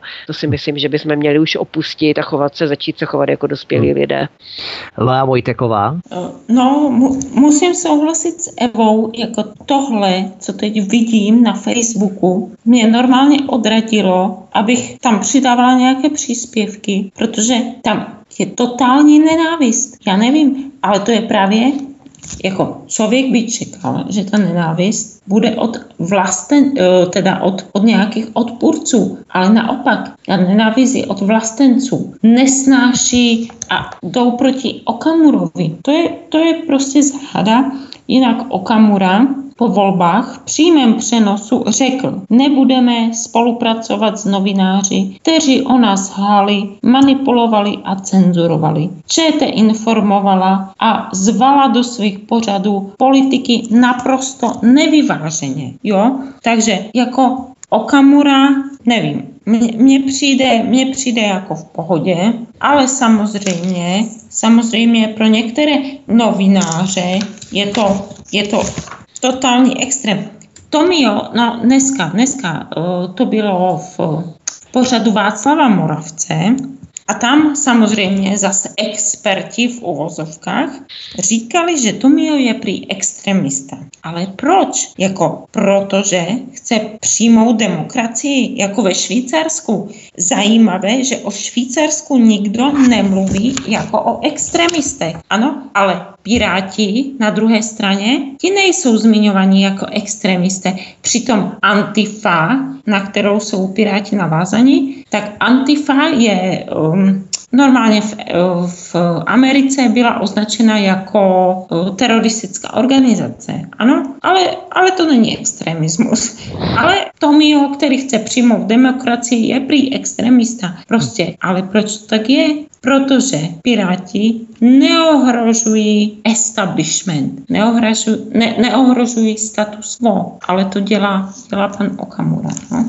Já jsem zaznamenal nějakou partičku několika desítek lidí, kteří demonstrovali mm. před eh, volebním eh, sídlem nebo štábem SPD, mm. testovali proti jejich víře nebo proti jejich umístění. To, je přesně ta demokracie, eh, kterou v podstatě, když není po jejich, po těch mm. aktivistech, tak už najednou to není demokracie a musí ano. protestovat. Ano, ale mm. Martin Konovička, Sedmá republika. Martine, jak ty by si hodnotil SPD? V podstatě já jsem zaznamenal kdesi v rádiu hodnocení těch výsledků voleb a to bylo velmi zajímavé, jak pod Prahově novináři manipulují a různí experti, politologové, kdy vykreslovali všechny ty strany, které měly 10-11%, ať to byly Piráti, ať to byla ODS, ať to byla SPD a jenom u SPD říkali, kolik peněz bude dostávat a že je to v podstatě projekt Tomio Okamury, biznesový model a tak dále. A jedině u SPD dodávali nebo doplňovali, kolik peněz dostaneš, to bude 50 milionů a potom ještě další miliony každý rok a tak dále. A v podstatě ta strana má stejný počet procent jako ODS, jako u Pirátů a u kterých to nezmiňovali. Zmiňovali to u SPD. To je jediný další druh manipulace v rámci veřejnoprávních médií. Martine, jak ty by si komentoval SPD? Tak především bych eh, poblahopřál Okamurově straně k eh, slušnému nebo velice slušnému výsledku, jak si proti, proti všem a proti všem potížím. Eh, je naprosto jasné, že to budou mít extrémně těžké. Budou to mít těžší než kdysi úsvit, protože ten byl přece jenom menší a takový nekonzolidovaný ještě, myslím ještě za Okamury úsvit. Nyní je SPD jedinou skutečnou opozicí, to všichni víme a je to vidět z toho chování těch mediálních, řekněme, hyen. No, eh, ať už v opozici anebo v koalici musí, nebo musí, já tady nejsem o to, abych radil, ale eh, na místě Tomio Okamury bych se snažil to hnutí nebo tu stranu co nejvíce teď etablovat, posílit. Protože ať už něco prosadí, já doufám, že ano, e, ze svého programu, nebo neprosadí a zůstanou parlamentním otloukánkem, tak by měli obrovským způsobem využít to, že jsou čtvrtá nejsilnější parlamentní strana, to, že dostanou ten příspěvek, který dostanou samozřejmě všechny ostatní strany, e, tu stranu konzolidovat, ale nejen to, e, oni jsou,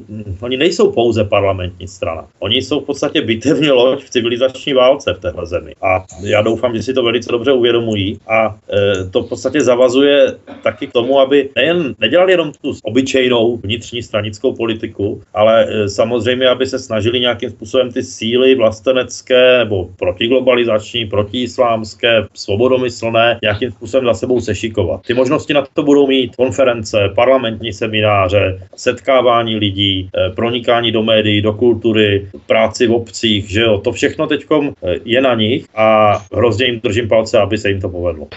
Pan VK, šéf-redaktor Aeronet.cz, pane VK, co vy na SPD? No tak já bych chtěl také Tomiu Okamorovi poděkovat za jeho práci a poblahopřát mu, myslím si, ke skvělému výsledku. Eh, ano, mohl dostat více hlasů, eh, pokud by nebyly uvnitř SPD provedeny ty špatné kroky, které mu hlasy sebrali, eh, na základě čehož potom, nebo teď v této chvíli probíhají nějaké verbální útoky od lidí, kteří prostě prostě nepřekously eh, některé procesy, které probíhají ve stranických základních organizacích SPD, kde docházelo a dochází k vyhazování určitých lidí, kteří jsou nepohodlní, ale o tom já tady teď nechci mluvit.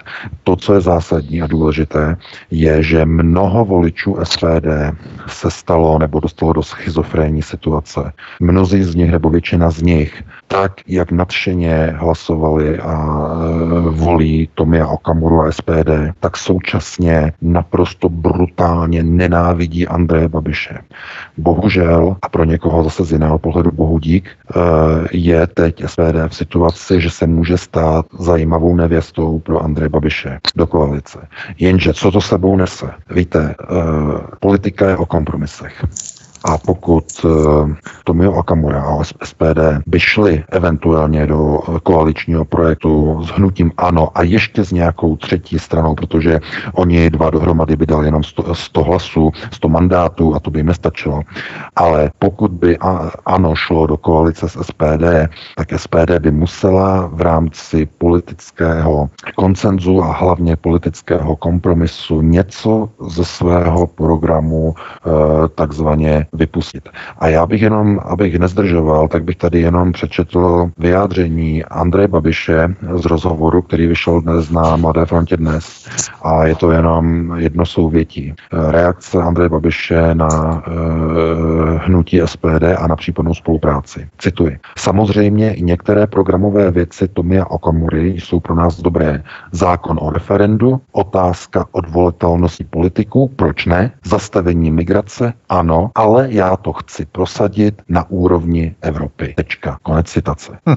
Čili tohle to je první volovka, první balónek od Andreje Babiše směrem k případnému koaličnímu vyjednávání se SPD. E, a tady to už zaznělo v diskuzi, že co teď může Tomio Okamura udělat? On může skutečně zachránit pro národní teze v České republice na příští čtyři roky, ale nedokáže je zachránit, pokud bude v opozici. Musel by být v koalici s tím nenáviděným Andrejem Babišem.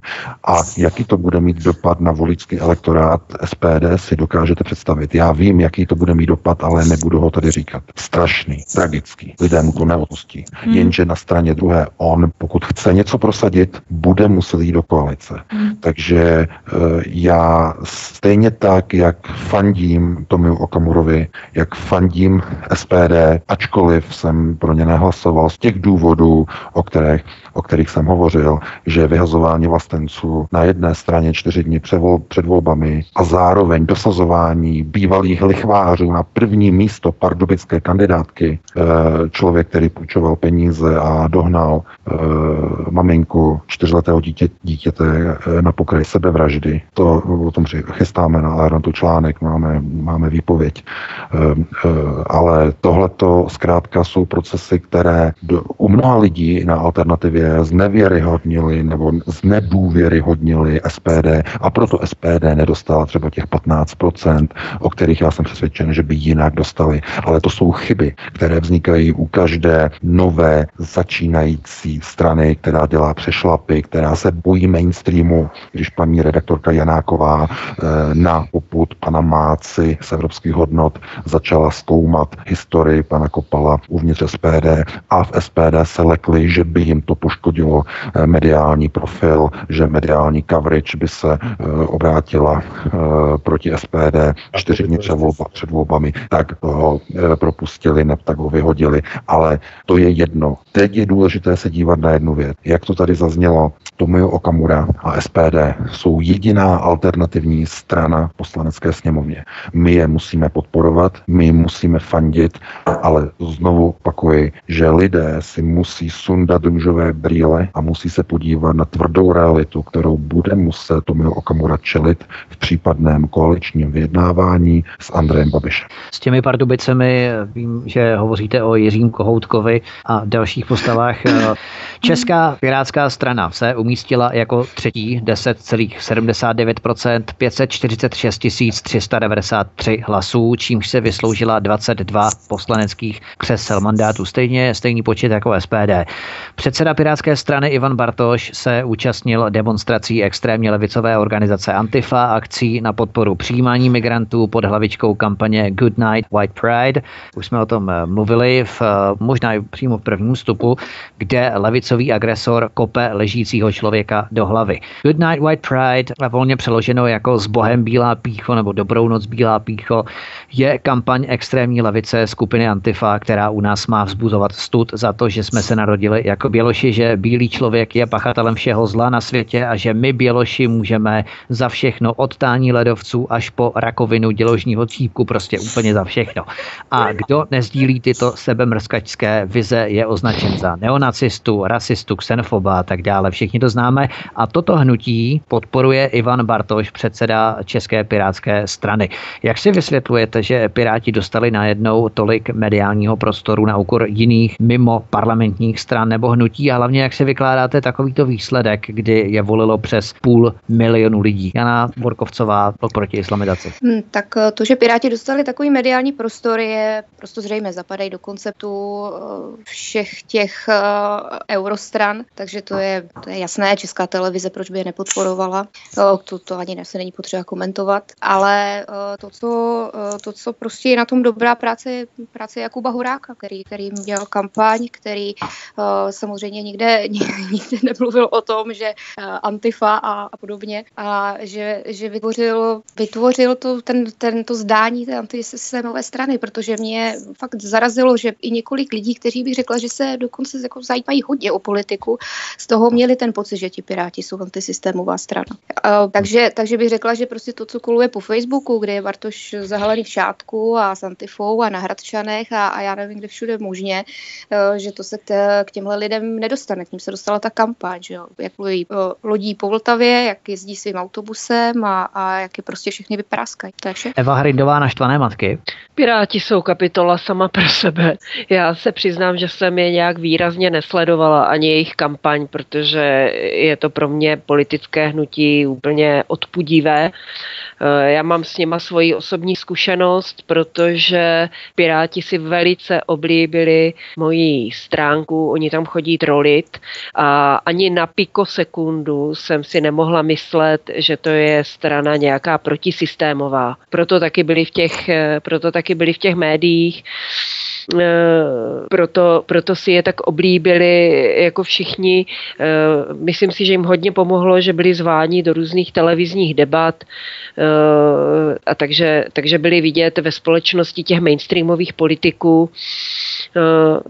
Já bych, já bych se jima snad ani nechtěla nějak zabývat. Podle mě oni se naprosto demaskují teďka účastí ve vládě a myslím si, že v dalším volebním období už ani náhodou nebudou mít takovou podporu, jakou měli teďka. Prostě se jim podařilo oklamat voliče, eh, nebo jinak řečeno, voliči se rádi nechali oklamat.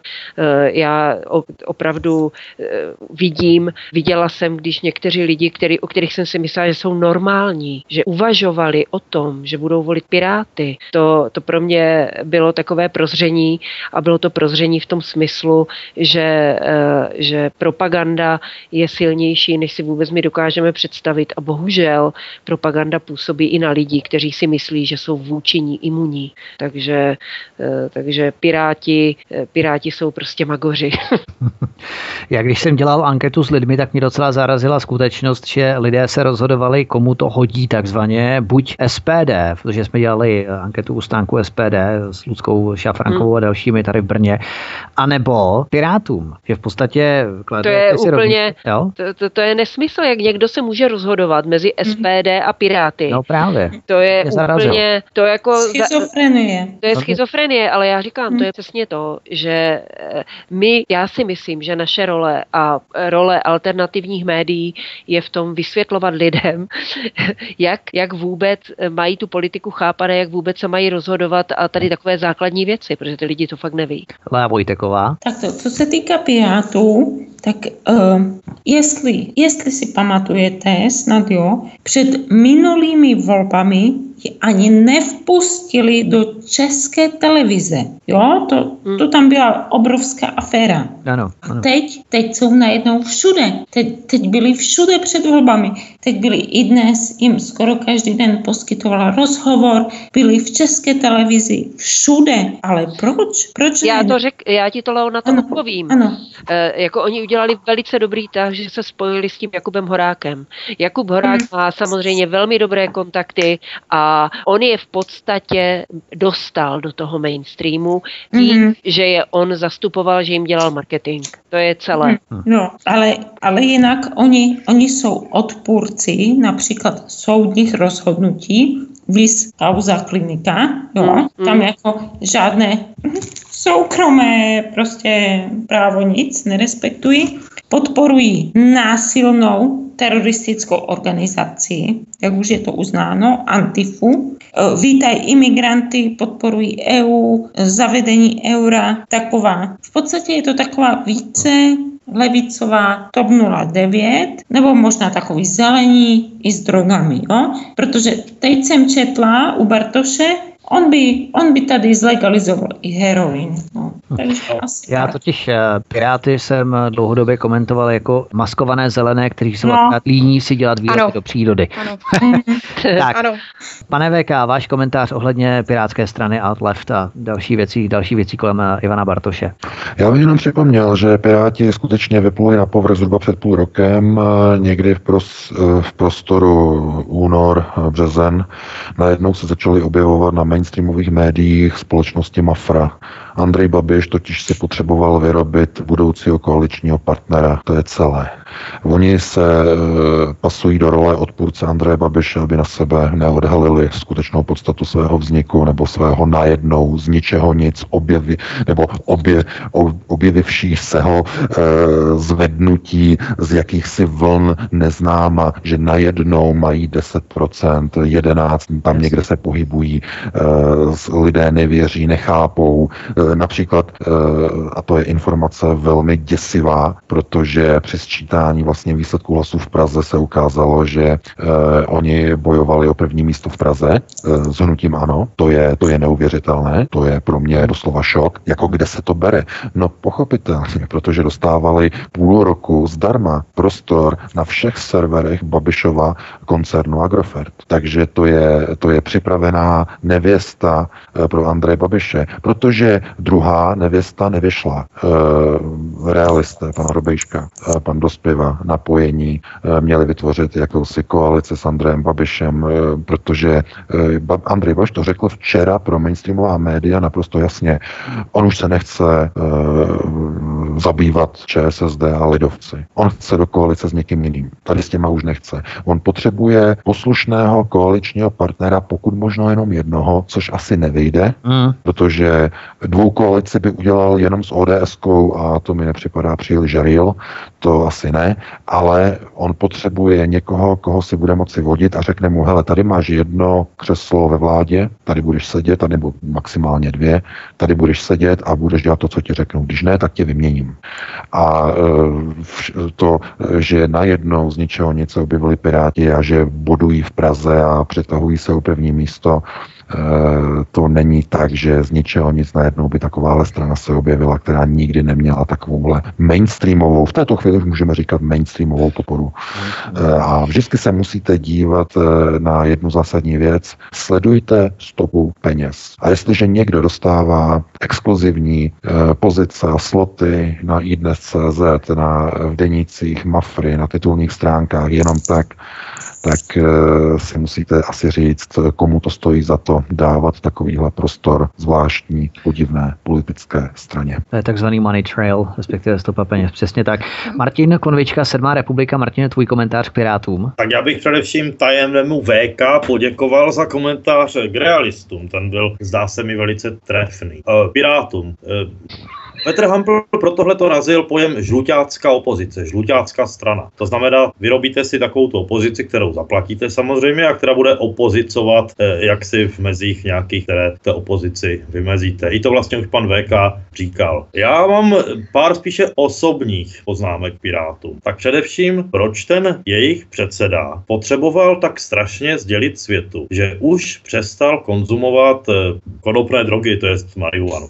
Ježíš Maria, tak buď, eh, já třeba, počkejte, počkejte, počkejte. Já jsem třeba přesvědčen o tom, že já jsem přesvědčen o tom, že marihuana v malém či rozumném množství neškodí. Stejně jako Ivan Bartoš jsem přesvědčen, že by legalizována či dekriminalizována být měla. Ale rozhodně bych jako ne, netvrdil něco, co není pravda, nebo co v podstatě není podstatné. Jo, vy taky nepotřebujeme, aby nám jeden politik po druhém říkal, že už nepiju, nebo omezil jsem to, nebo nejsem ženě nevěrný od předloňska, protože a tak dále. Jo, to jsou prostě eh, už, už eh, prostě tvrdit tohleto najednou, že já jsem teda zlobil, ale už nezlobím, eh, za, zahnívá prostě pokrytectvím a takovou, jako je to takové ulepené. Eh, druhá věc. Oni před dávnými lety bojovali za svobodný internet, že jo. Teď se mi stávalo, když jsem dostával ty dlouhé bany od Facebooku, že eh, uživatelé s logem Pirátu se mi tam vysmívali, že je teda dobře, že jsem umlčován. Hm, Mhm. tak to je úplně Ano, stejný. potvrzuju, potvrzuju. Ano, To je, ano, ano. to je vlastně úplně stejné jako s tou marihuanou. Že? jo. E, a teď obecněji. Měli dobrého marketéra, jsou to sičáci, měli prachy velký že jo, za nimi, ale pořád by ty voliče nezískali, kdyby přece jenom je něčím neoslovili. Nakonec realisté měli aspoň chvíli všechno to tež a nic, nic neuhráli. A e, mě zaujalo úplně na začátku toho sčítání, že e, oni vlastně těch 9-10% měli od samého začátku. To znamená, je volil i venkov. To znamená, že je volili mladí lidé, to už víme, opravdu napříč populací. A zase už jsem to zmiňoval, e, ta, ta hra zatím je jednoduchá. Politici mě štvou, jsou to papaláši, plkají prázdný keci, vypadají úplně stejně jako pro nás, padesátníky, vypadali ti komunističtí politici. Že najednou je tady někdo, kdo je jiný a já jsem ten mladý naštvaný kluk či holka a teď je úplně jedno, jestli z malého města, vesnice nebo té velké Prahy. Už mě prostě nebaví se dívat na ty pajduláky z hlavních stran a tak to prostě hodím, tak to hodím něčemu protestnímu. Hodím to buď Okamurovi, ten je autenticky protestní, no jo, ale ten, ten Okamura nemá ten cool image, ale hlavně ten Okamura, že ano, všichni do něho nará, navážejí, takže na něm něco špatného asi bude. Já jsem mladý člověk, já vlastně chci být správňácky. Ano, chci si zaholit tu travku, chci si zablbnout eh, kde na zábavě nebo kde prostě, ale ve Jasně. skutečnosti chci být v podstatě ten správňácký člověk. Ti piráti jsou společensky akceptovatelnější a v neposlední řadě. Zatímco Okamura jako autentická opozice říká lidem škaredé věci, protože musí, protože svět je škaredý. Varuje, eh, hrozí, že ano, tak piráti říkají, to bude dobrý, vlastně nemusíš se ničeho obávat, nějak se to zvládne, to jsou všechno keci, to je strašení, že ho zahulíme, uvidíme, tak to nakonec toho mladého člověka eh, otočilo směrem k těm pirátům, protože přece oni ničím nestraší a oni říkají, že život je nakonec krásný nebo aspoň snesitelný. Je to prosím vás pěkně samozřejmě opět manipulace velmi podlého druhu. A poslední slovo, přesto všechno je klidný, a spíše pobavený, a to je ta nejosobnější věc, protože na kandidátce Pirátů mimo jiné kandidoval můj, řekněme, eh, nejlínější eh, student, kterého jsem kdy měl. A eh, z toho vyvozuju, že té sněmovně nebo vládě nebo kdekoliv zase tak pracovití nebudou a že jsou fenoménem efemérním a že příště už o nich neuslyšíme. Ano, tak. No. Ale pracovní morálku hledně tvého studenta Jana Borkovcová ještě chtěla něco. No, chtěla jsem říct, že asi, asi ho nebavili motýly, no. Třeba si zvolili jenom blbě obor, toho politika bude bavit, to nevíš nikdy. Ale každopádně eh, je potřeba si uvědomit, že Piráti jsou na pražském magistrátu, nebo už vlastně přes tři roky. A, a že ta vazba tam eh, s tím hnutím ano je. A dokonce Ivan, Ivan, když se potkával s Andrejem Babišem, tak to zveřejnil, že se potkali a že si velice dobře rozuměli.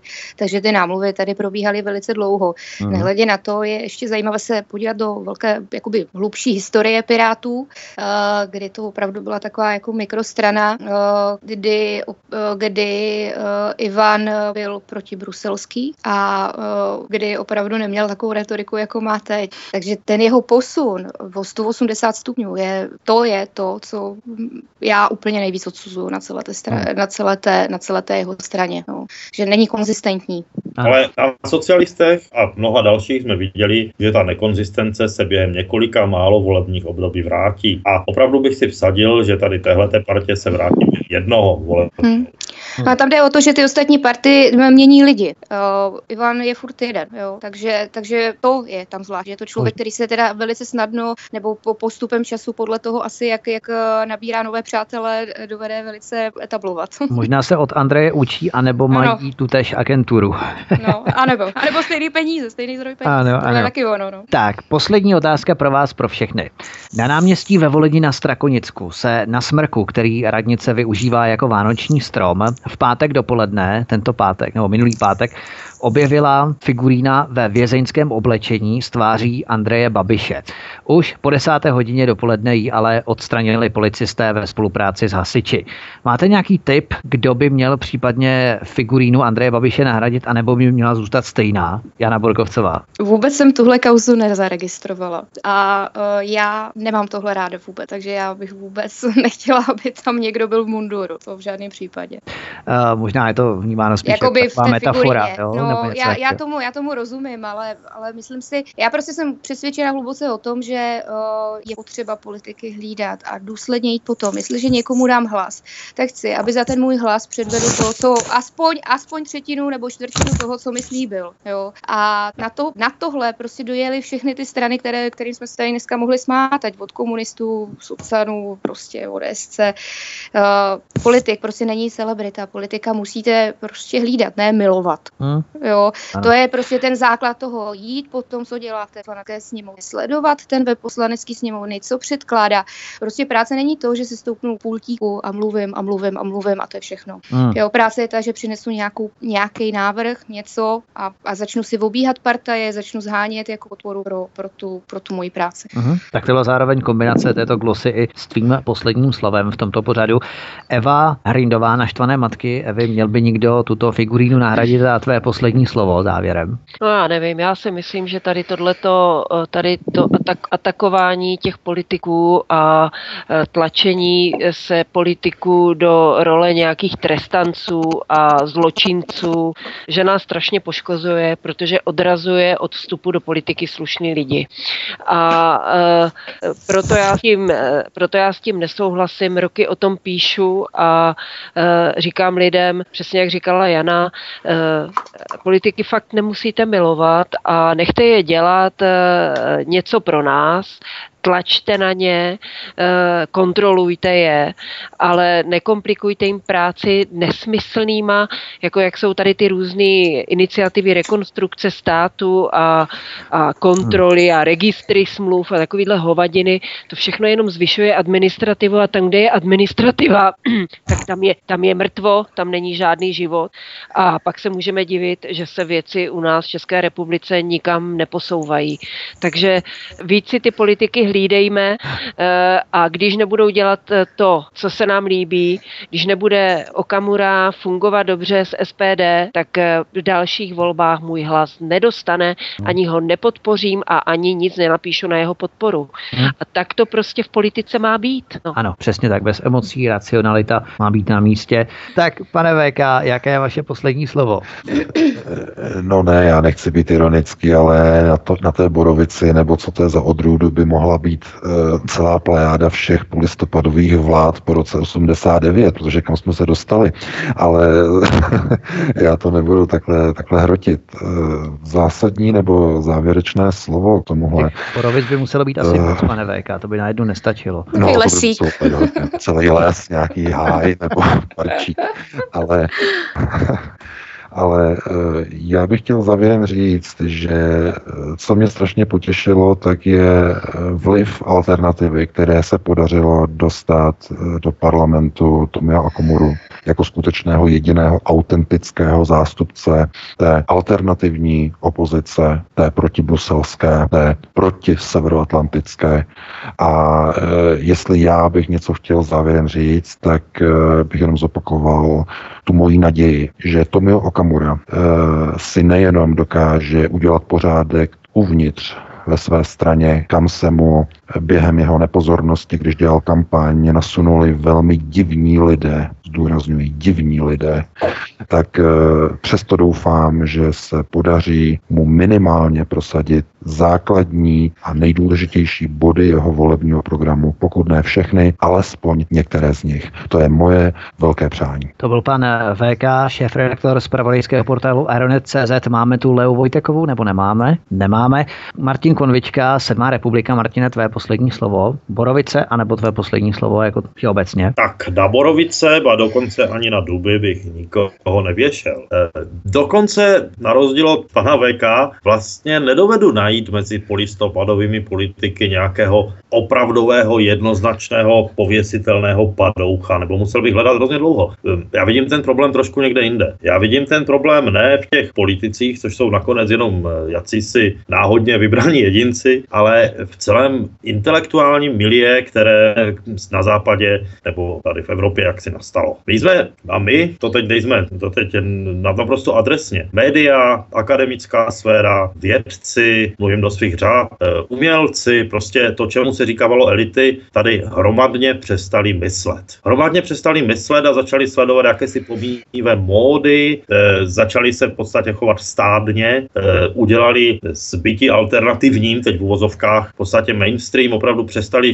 prostě, přestali, ztratili, ztratili vazbu na to, čím dýchají obyčejní lidi, co se ve světě opravdu děje. Uzavřeli se do jakýchsi eh, kvazi bublin a z těchto kvazi bublin mustrují v podstatě tu část společnosti, která neměla tu, neměla třeba to štěstí, že nevystudovala, nedostala nějaký dobrý job, jo, tyhle ty věci. A to je hrozně, hrozně špatný. Nechtěl bych tyhle ty lidi věšet, ale chtěl bych je poprosit, aby se myslet znovu naučili.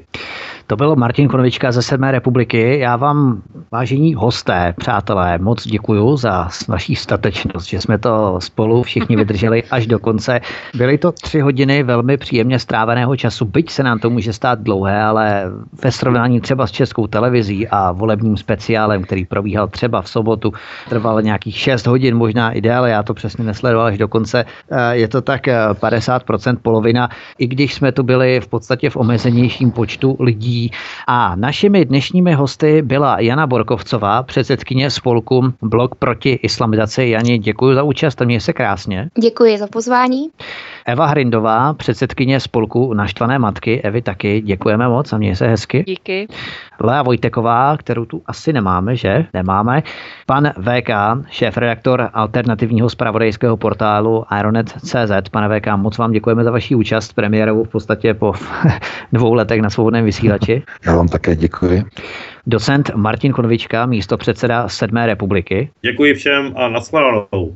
A inženýr Václav Janoušek, předseda Institutu mezikulturních studií, člen strany práv občanů bývalí Zemanovci, nás opustil už v druhé polovině nebo v polovině druhé poloviny dnešního pořadu. Tento i e, ostatní pořady si můžete stáhnout nejenom na e, stránkách svobodného vysílače z archivu svobodný pomlčka vysílač CZ, ale můžete si nás poslechnout i na kanále YouTube.